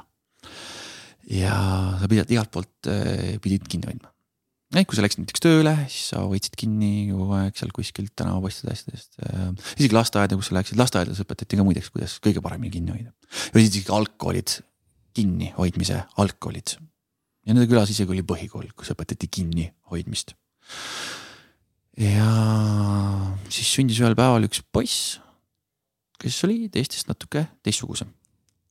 sest tema hakkas juba väikse poisina mõtlema, et aga mis siis saab, kui ma lahti lasen. ja ta mõtles seda mõtet. ja ta rääkis seda mõtet äh, oma emale. ema ütles, ära mitte mingil juhul mitte kunagi sellest teemast enam räägi.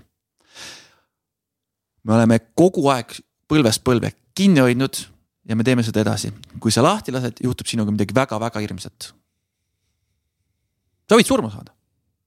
see on kohutav. see on, see on õudne, ära, ära lase lahti ja ära kunagi isegi seda mõtet mõtle enam. poiss sai aru, ema ütles, ta ei julgenudki enam kodus sellest rääkida, kasvas suuremaks, lõpetas lasteaed ära, läks algkooli, seal ta sai uusi sõpru endale ja üks päev siis koolist koju ennast vinnates, sest ta pidi ju kinni hoidma.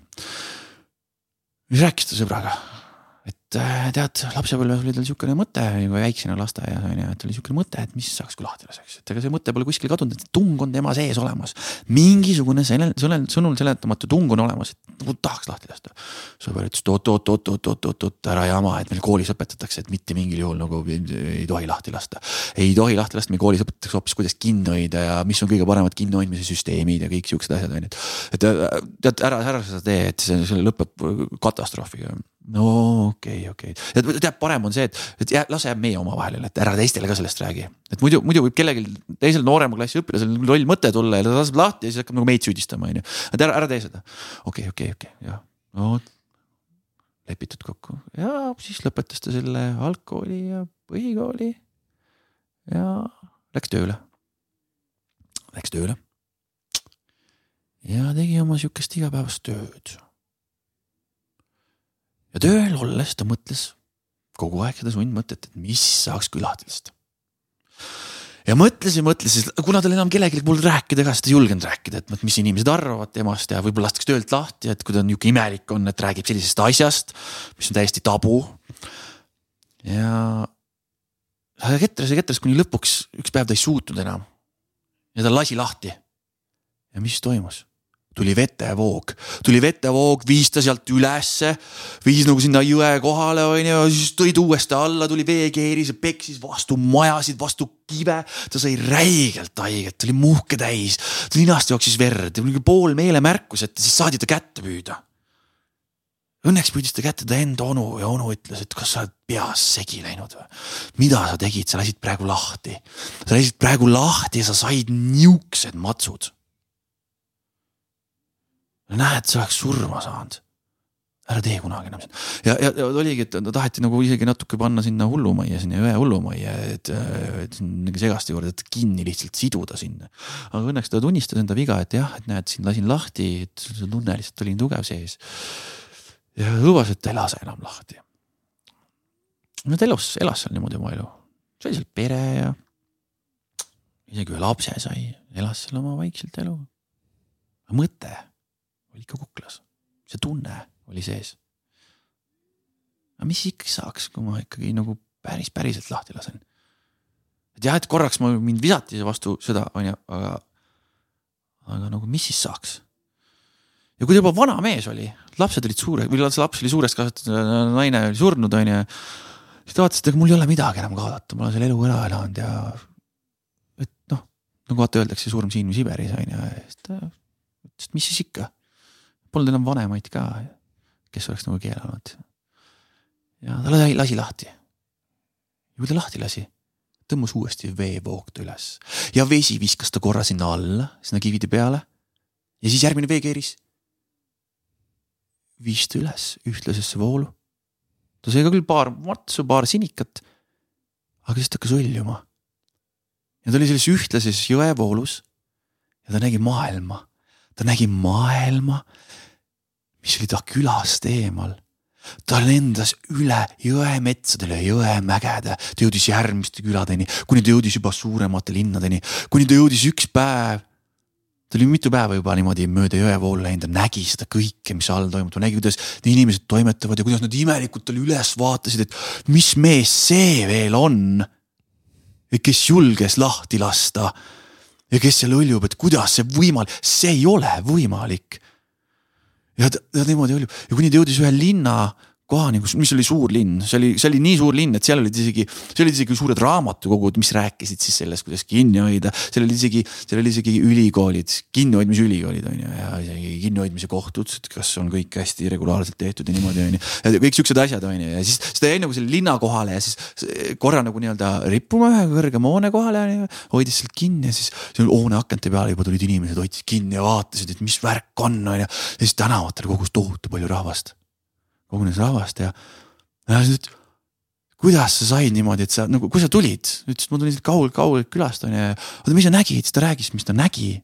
milline maailm on ja kui palju siin vaatamist on ja kui palju siin kogemist on ja kui palju siin nagu nii-öelda seda elu ümberringi veel on ja näha. ja siis ütles, aga, aga, aga, aga kuidas sa seda tegid? siis ta ütles, tead, ma lihtsalt lasin lahti. ma lihtsalt lasin lahti ja siis oli sihuke kümme julgemat sealt sada, sadadest inimestest, kes lasid ka lahti. loomulikult seal äh, peksis vool neid vastu maju ja vastu tänavakive ja nad said väga haiget. Nendest äh, kümnest võib-olla kaheksa olid need, kes enam ei suutnud, võtsid, võtsid uuesti kinni ja, ja kahetasid seda tegu, mis nad olid teinud, on ju. aga teised lasid lahti. ja lasid vool kanda ja nad lendasid selle mehe juurde ja nad hakkasid koos temaga hõljuma ja nii nad jõudsid järgmise linnani, kus nad kohtasid uusi inimesi. igaüks sõljus seal oma tempos. peatus oma linnades rääkis oma lugu. ja nii see jõerahvas elas. sihuke lugu oligi. näiteks äh, minu jaoks on need äh, suured lahtilaskjad ongi need, kes mul elus lähe, lähedalt on, on nagu näiteks see Jesper Parve või, või noh, kasvõi Elon Musk või Steve Jobs. terve maailm ütles talle, Steve'ile, et kuule, ei saa see, see ei ole võimalik, Steve ütles, aga äkki on. Elon Muskile öeldi, et kuule, noh, need asjad ei toimi niimoodi. aga Musk ütles, äkki toimivad. mulle on kogu aeg öeldud, hoia kinni. sõbrad, vanemad, isegi naine, sest nad teadsid, et see on nende kogemus me oleme nii kogu aeg elanud. ma lasin lahti. muidugi ma sain haiget. muidugi mind peksti. sa pead arvestama sellega, et sa saad valu, sind pannakse testile. sa kukud. aga kui sa hakkad seal flow's holjuma, oi kui hea see on oi kui hea. ja see flow's sa saadki hõljuda siis, siis, kui sa lased nendest hirmudest lahti. et sa, sa ei saa kõigist äh, kinni hoida minu jaoks on hästi hea koht on see, et äh, mul on see võime olla elavates unenägudes, lucid dreaming. Äh, ma käisin nüüd äh, sügisel terapeudi juures ma, ma olin nagu väga väsinud vahepeal, sest ma näen nii palju elavaid unenägusid. siis ma äh, rääkisin talle seda, noh, ma jõudsin tema juurde niimoodi, et enne sünnipäeva ma ütlesin, ma teen endale kingituse, et mul ei olnud nagu ühtegi häda ega mitte midagi, aga siis kuidagi jutt läks nende unenägude peale ja siis mõtlesin, kuule, mul on väsinud veits, et ma nagu näen palju teisi inimesi ka ja, ja siis ma näen mingisuguseid olukordasid.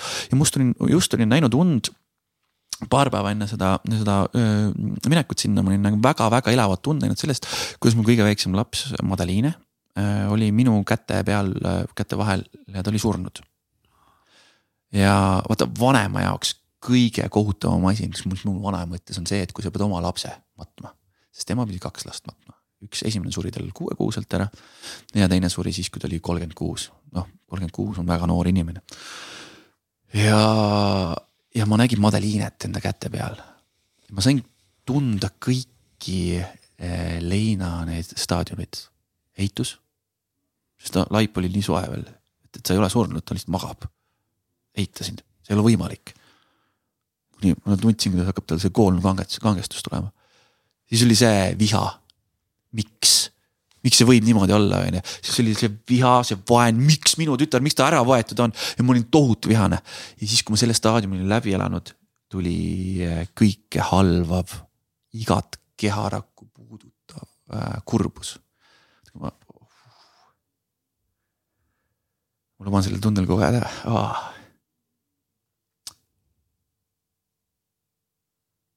see kurbus, märkasin üles, ma olin tohututes pisarates mida ma tegin? kell viis hommikul ma läksin oma väikse tütrekese juurde. see oli nii reaalne, see oli päris. võtsin ta lihtsalt tugevalt kaisu. nii palju, kui ma sain, vaata paitasin teda, sest see hakkas minu kehas ka töötama, oksendad siin ja siis ma mõtlesin, miks see mulle vajalik see uni praegu oli, ma olin muidugi hommikul tohutu tänulik, et ma seda nägin, ma sain selle kogemuse.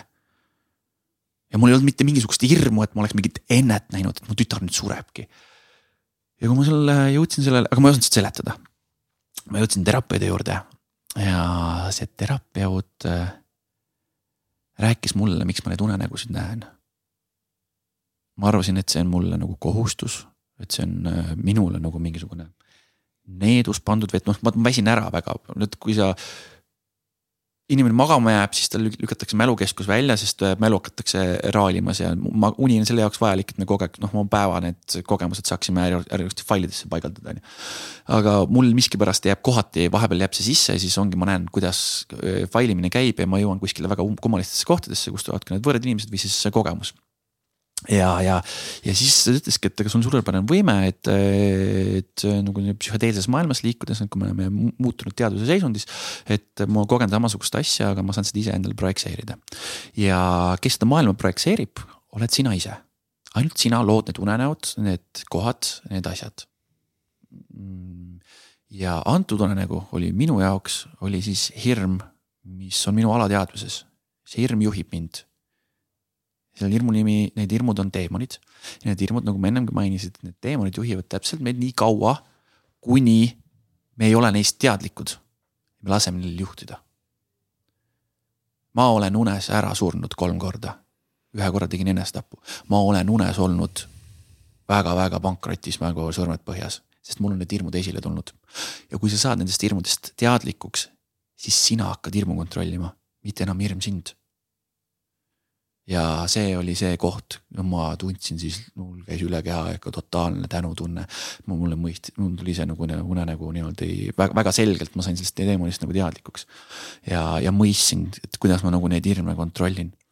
ja sama asi on nüüd see, et kui me sinna nagu tagasi jõuame, siis, et kui need hirmud meile ette tulevad. Nad peavadki tulema, nad on evolutsioonist käiku noh pandud meile. aga siis ongi see, et kas ma lasen sellel hirmul endal kontrollida või siis äh, mina hakkan seda hirmu valitsema, et ma teen, kuulan siis enda enesetunnet en,, en, enese seda sisemist häält. mis ütleb, et kõik on hästi et kõik on tore. sest et kui ma, kui ma, kui ma küsin kellegi teise käest, et mis on õige või, mis on vale, siis maailmas ei ole olemas õiget ja valet vastust, sest maailmas on kõik neutraalne. koroona näiteks oli väga paljudele ettevõtetele tohutu halb, viis need ettevõtted suurde kriisi. see on vastik asi, kole asi, vastik haigus, teeb haigeks. mina vaatan koroonat ja ütlen, et mul on koroona eest tänulik. miks? minule business'ile tõi see väga palju kaasa. Ma teen laste metsa sünnipäevasid ja järsku inimesed ei saanud enam lastetubadesse lapsi viia, nad tulid metsa. ja see oli endale alternatiiv väga palju tõi ärile kaasa, järelikult ma ei saa öelda, et koroona halb on, ma põdesin ise koroona läbi. eelmine aasta väga raskelt ja ma olen väga tänulik, sest mul kehas oli tohutu palju äh, antikehasid. on hoopis teine kogemus sellest, et ja mina sain sellest treeningust, ma vaatan, minu jaoks on see väga positiivne kogemus. et ma ei saaks öelda, järelikult see on neutraalne, kellegi jaoks on see halb ja kelle jaoks on hea ja ma ei saa küsida äh, sõbra või tuttava käest, et kuule. et äh, mis sa arvad, mis ma oma eluga peaksin peale hakkama kas ma nüüd lähen teen seda tööd või ma tulen töölt ära. seda ma pean ikkagi ise kogema ja selle vastutuse endale võtma, sest see on ainult mina tean, mis on õige või vale. ja, ja ka ma tean seda, et kui see algus võib tunduda mulle vale, on ta päeva lõpuks ikkagi õige. sest miks, sest minu elu ju juhatab ju põhimõte, et just kõik, mis otsuse ma teen, on see minu enda elu hüvanguks ehk ma ei saagi võtta ühtegi vale otsust vastu, seda ei ole olemas. et ee, niimoodi see toimub ja, ja, ja see, see, see, see nagu nii-öelda kõigil ei ole seda kogemust, et nad saavad vaadata oma teemoneid, oma hirme. näiteks ma ei tea, sellest raskustest või asjadest unes, nad ei saa seda teha et aga sa saad näiteks meditatsioonides või siis samas terapeudi juures, sa saadki sinna jõuda või siis kasvõi muutunud teadvuse seisundis, mis on kontrollitud, on ju. et sa saadki, sa saadki nii-öelda jõuda nende, enda alateadvuse hirmudeni ja ei lase enam neid tasapisi kontrollida. sest, sest et meid nagu juhivad nagu mm, noh, me ei suuda, me ei suuda kõike kontrollida. See oleks nagu, see oleks nagu oomamatuse pärast, siis me, siis me ei saaks üldse elada, sest me, me, me, me peame, aju kontrollib meid hästi palju automaatselt me teemegi hästi palju automaatseid liigutusi, no näiteks, et ma ei tea, panen käe kuuma pliita peale või kuskile kuuma asja peale.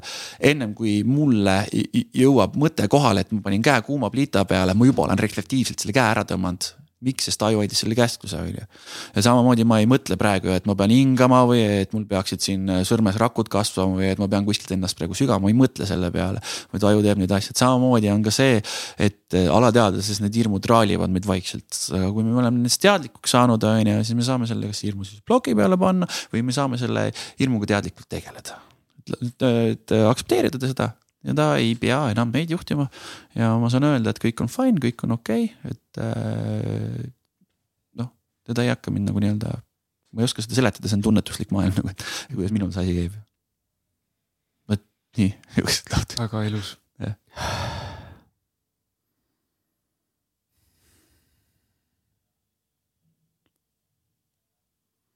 sul on väga ilus pildikeel.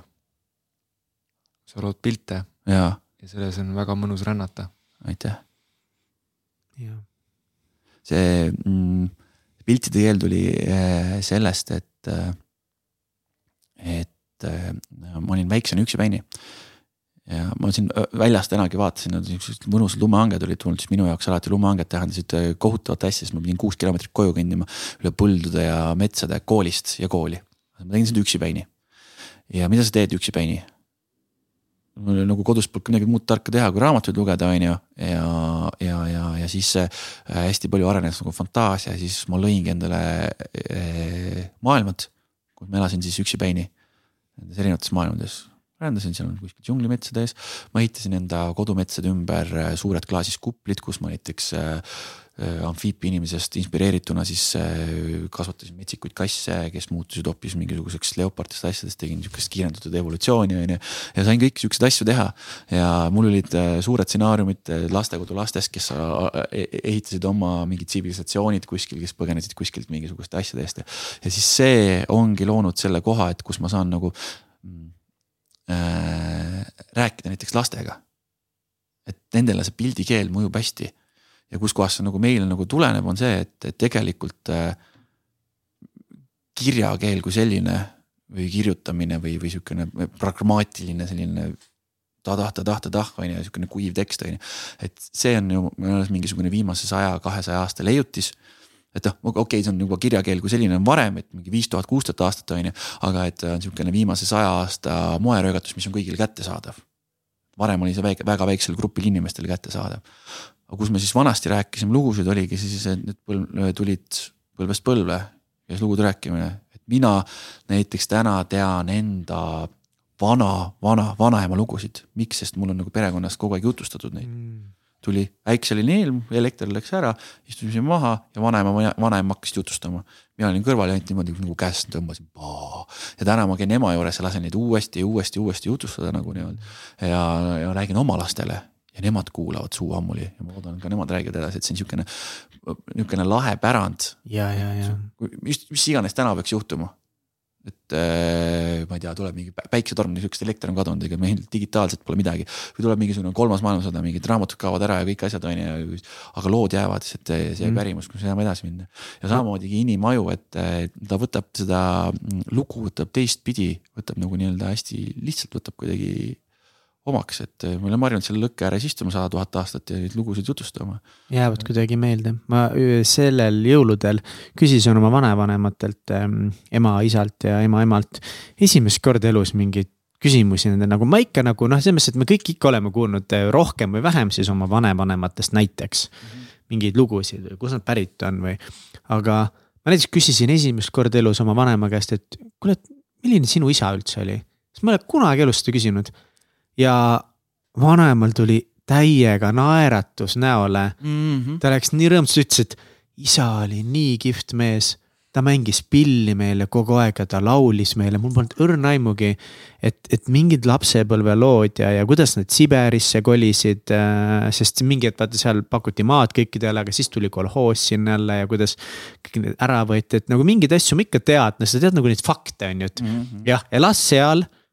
Oli nii palju õdesid vendasid, vanemal oli kokku mingi, kurat, nüüd ma jälle ei mäleta, kaheksa õde-venda või, kellest näiteks elus on ainult üks nüüd.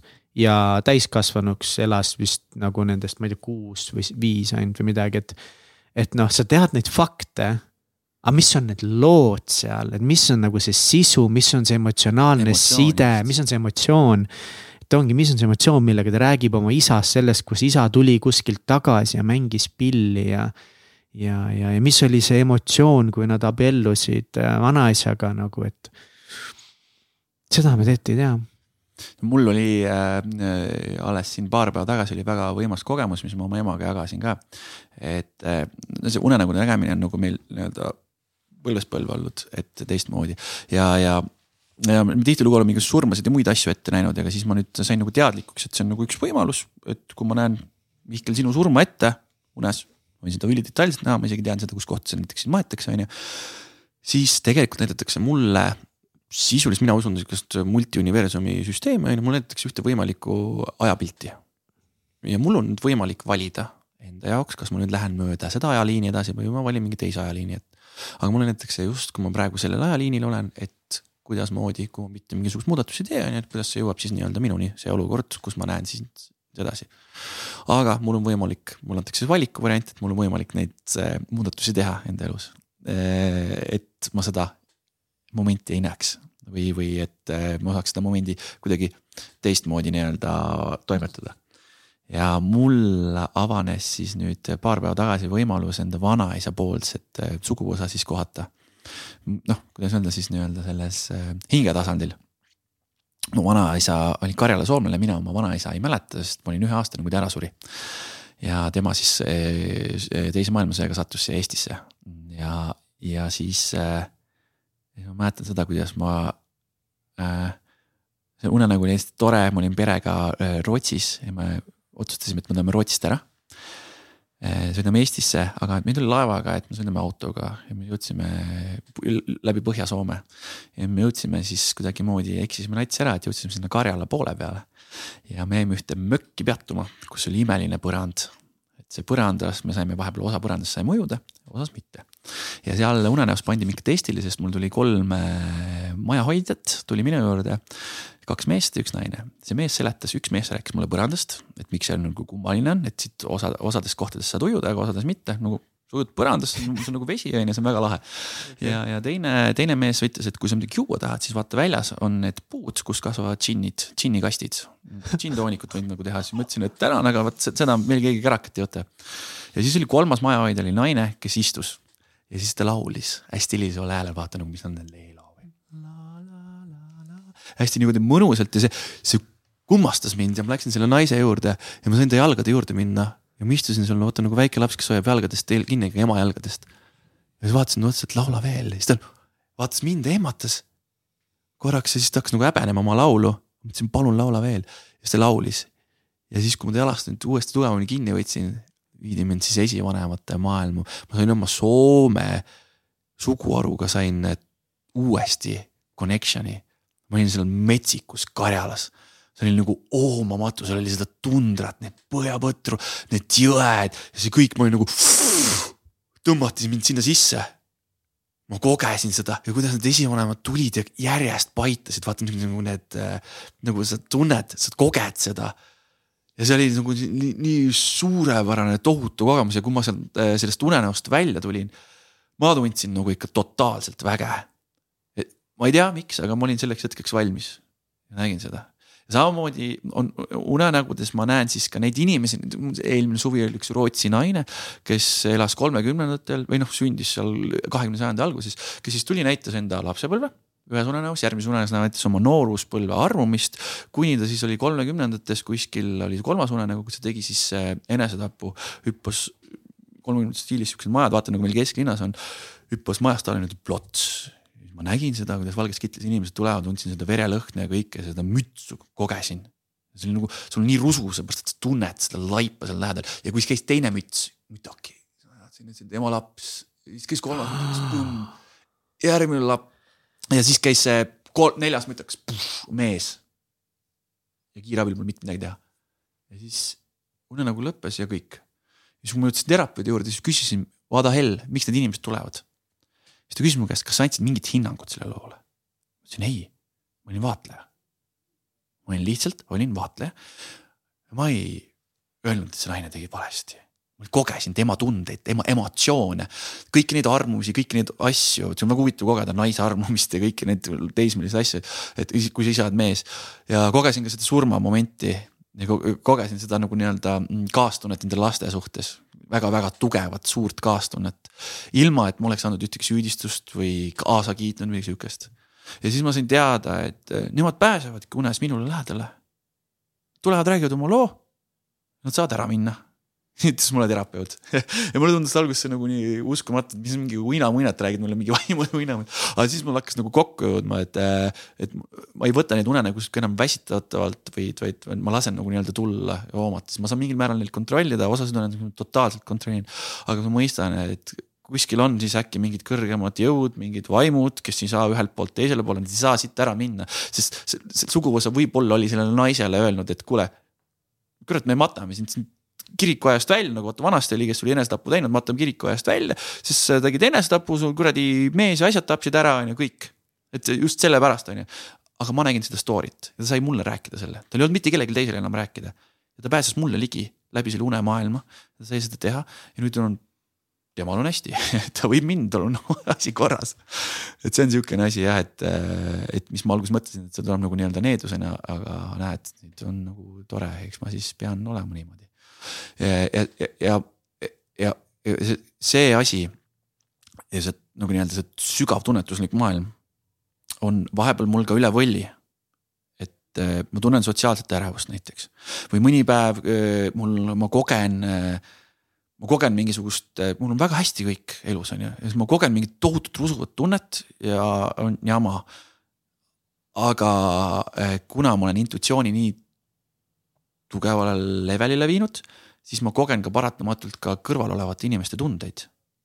ja siis ma pean enda käest, mida ma varem ei teadnud, ma saan selle terapeudi juures teada, ma pean küsima, kas see on minu tunne, hmm. on see minu sisemise lapse tunne hmm. või on see kellegi teise tunne et paljud tunded on ka meie enda sisemine laps tunneb seda viha või jonni, et äh, sellest lapsepõlve sellest kogemusest, mälestusest on ju. aga äh, minu puhul on ka siis see asi võimalik, et ma kogen täiesti lambist. Äh, tavaliselt on niisugused tugevad negatiivsed tunded või ka siis tohutult rõõmast, rõõmujoovastust on ju mingite asjade üle, siis ma tean, et see ei olegi minu tunne vaid ja, ja kui ma olen hakanud neid kaardistama, tähele panema, ega ma ei koge neid tundeid lambist, vaid tõesti, kui ma astun kodust välja. Lähen lastele lasteaeda järgi ja üks moment ma ütlen mingi vanemale tere ja tore ja siis mingi moment, mul on nagu. tulge juba lasteaiast ära, no mida, no mis see on nüüd, ma, ma olen nii kärsitud ja nii, aga ma just sekund tagasi ma tulin mingi trillala, trillala ja mis ja võib-olla sellel, kellel ma ütlesin tere, sellel lapsevanemal, tal oli väga sitt päev tööl ja ma sain selle kogemuse endale mm. -hmm. ja ma tean, et tal oli nagu nii-öelda raske moment. et, et seda, seda nii-öelda seda sisekogemust või tunnet ja siis seda hirmudele vastuhakkamist, et seda, seda on nagu arvatavasti võimalik, ma ei tea, kas kõigil inimestel, võib-olla mõni on ülitundlikum, mitte on ju, aga seda on võimalik endas arendada just niimoodi väikeste sammudega. ma ei tea, lähed poodi, sul on otsustus, otsustusvärk, otsustuskoht praegu et nagu no, võtad kätte selle Hispaania tomati, võtad kätte see näiteks, ette, et see on Eesti tomati. oota, kumba ma siis täna ostan? Intsu talu tomati näiteks. Intsu talu tomati, kumba ma siis täna ostan, et mis on, üks on nagu võib-olla mingi toitene lahusest kasvanud, mingisugune plastikust on ju ja teine on teine on nagu tunned, et kuule, see on nagu mulla sees ka olnud, on ju. et, et tunnetad lihtsalt seda ilma, et äh, paneks ratsionaalset mõistust, on ju, et esimene kogemus, esimene tunne, mis tuleb, ütleb. ja kui niimoodi step by step hakkad seda kuradi äh, tugevdama, on ju, siis sa jõuadki lõpuks nagu suurte otsusteni ka. suured otsused, noh, kui me ennem rääkisime näiteks siin äh, äh Urmas Sõõrumaast, on ju, tal on pendel kogu aeg tagataskus et ta võib teha ikkagi sajamilliseid otsuseid tegelikult pendliga. või siis ta kontrollib valgust selle üle või vaatab, kuhu poole see viib. nii kummaline ka see pole, et, mind, kui ma kunagi läksin ettevõttesse Loodusvägi tööle, meil oli väga tore seltskond ja toimetamine. kuidas mind tööle võeti, oli see, et intervjuuga kõik oli tore, on ju, kõik oli hästi, oleks nagu nii-öelda see pragmaatiline mõistus, on ju. aga poisid käisid korra, vaatasid, mis Pendel räägib ja Pendel ütles, et all good ja toimis väga hästi. ma olen enda elus seda intuitsiooni ja seda sisehäält äh, nii pikalt nagu alla surunud selle ratsionaalsete ähm, ideedega, et nagu mis paberil tundub mõistlik ja no ongi mingi Helmes töötamine ka, seal oligi palju super asju, aga nagu mingi hetk ma sain aru, et praegu pean kuskil mujal liikuma, aga noh. ongi, et, et, et, et mulle nii meeldis, kuidas sa praegu selles mõttes ütlesid seda, et, et et seda saab nagu harjutada, sest mina nagu ei olnud seda harjutanud, mina olin seda alla surunud oma seda mingit sisehäält, sest. ma ka arvan, et see mingi sisemine hääl on ka mingi loll hääl nagu, mis ta teeb nii lolli otsuseid ja mingi emotsiooni peal, mis asja nagu. vaatame numbritele otsa, on ju, kus on, mis on palgavõimalused, mis on kõik, on ju, kes ta-ta-ta, on ju. ja kui ma Hispaanias kõndisin niimoodi, et nagu ühtegi maailma teist mõtet, ideed ei olnud, ei olnud kedagi, kes nagu projitseeriks omaenda nagu emotsiooni mulle peale, siis. Läks mingi kaks-kolm päeva kui ma hakkasin enda sees kuulma mingit väikest häält. Ja see oli täpselt umbes selline emotsioon, et mingi väike linnukene, kes pole tükk aega süüa või juua saanud, on kuskil puuri sees.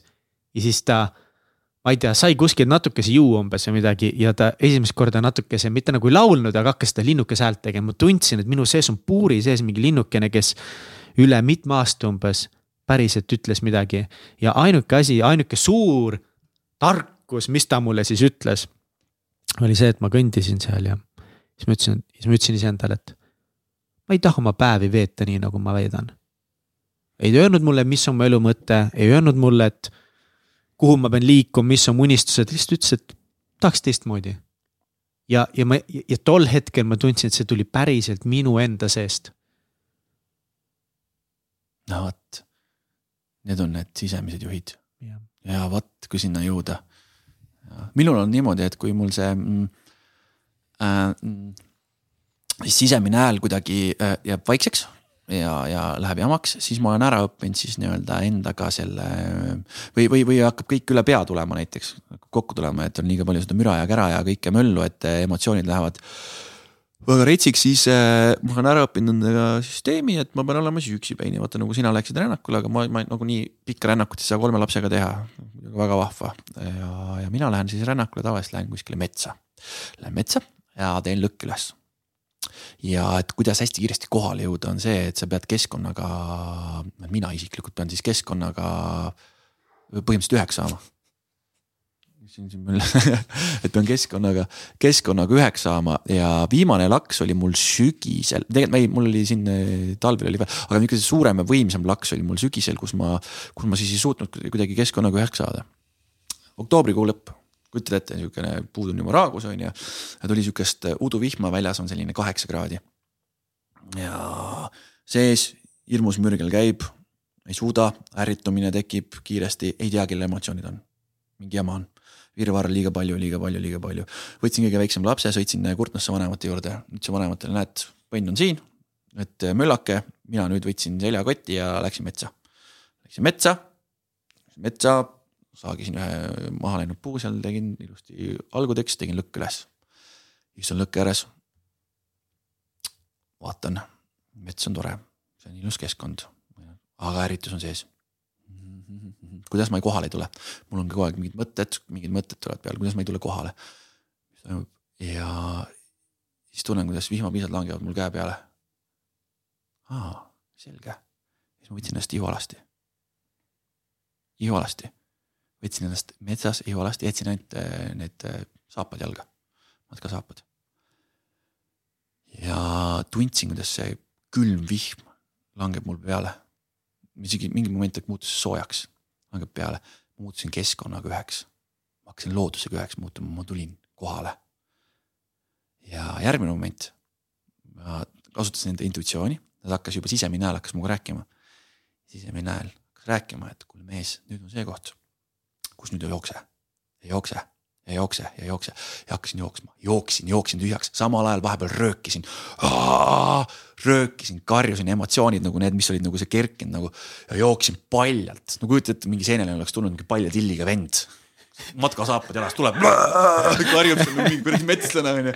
Õnneks ma olin nii sügaval metsas, et seal nagu saad, see ma, ma oleks pidanud tegema kunstliku hingamise sellel hetkel, see oleks raudselt suissid püsti pidanud. jooksin, karjusin, röökisin totaalselt tühjaks ja siis lõpuks läksin siis kui ma olin teinud seda niisugune pool tundi või tund aega, ma isegi ei tea täpselt, kuidas on ju, ja jõudsin tagasi sinna lõkke äärde. ja siis ma tundsin sihukest ürksust. ma olin kõik, iga see vihmapiisk oli minu kehaga üks. iga see lõkkeprakk, mis sealt tuli, see lõkkesoojus, see oli minu kehaga üks ja ma olin nii hetkes, mul ei olnud ühtegi ängistust, mul ei olnud ühtegi eh, emotsiooni, sihukest tunnet, mingit mõtet ei olnud. ma olin seal ja oli loodus.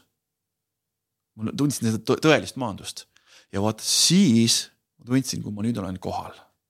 oli see kära ära läinud, telefon oli välja lülitatud, see telefon on saatanast on ju, see oli välja lülitatud. istusin maha. Äh, ja panin vist jah püksid panin jalga, istusin sinna lõkke äärde, lasin selle vihmalika sabinat, sest lõkk oli piisavalt soe, et see soojendas mind. ja, ja siis ma tundsin, kuidas tuleb siis see pisikene illimar, väike illimar tuleb, istub minuga sinna kõrvale selle maha kukkunud puu peale ja tuleb, istub, vaatab seda lõket. ja vaatab, midagi ei räägi. sain aru, et solvunud. Polnud ammu aega rääkinud, vaata. siis noh, lõpuks hakkas rääkima, siis esimene asi, mis mul oli, ma pidin ta käest ikkagi andestust paluma.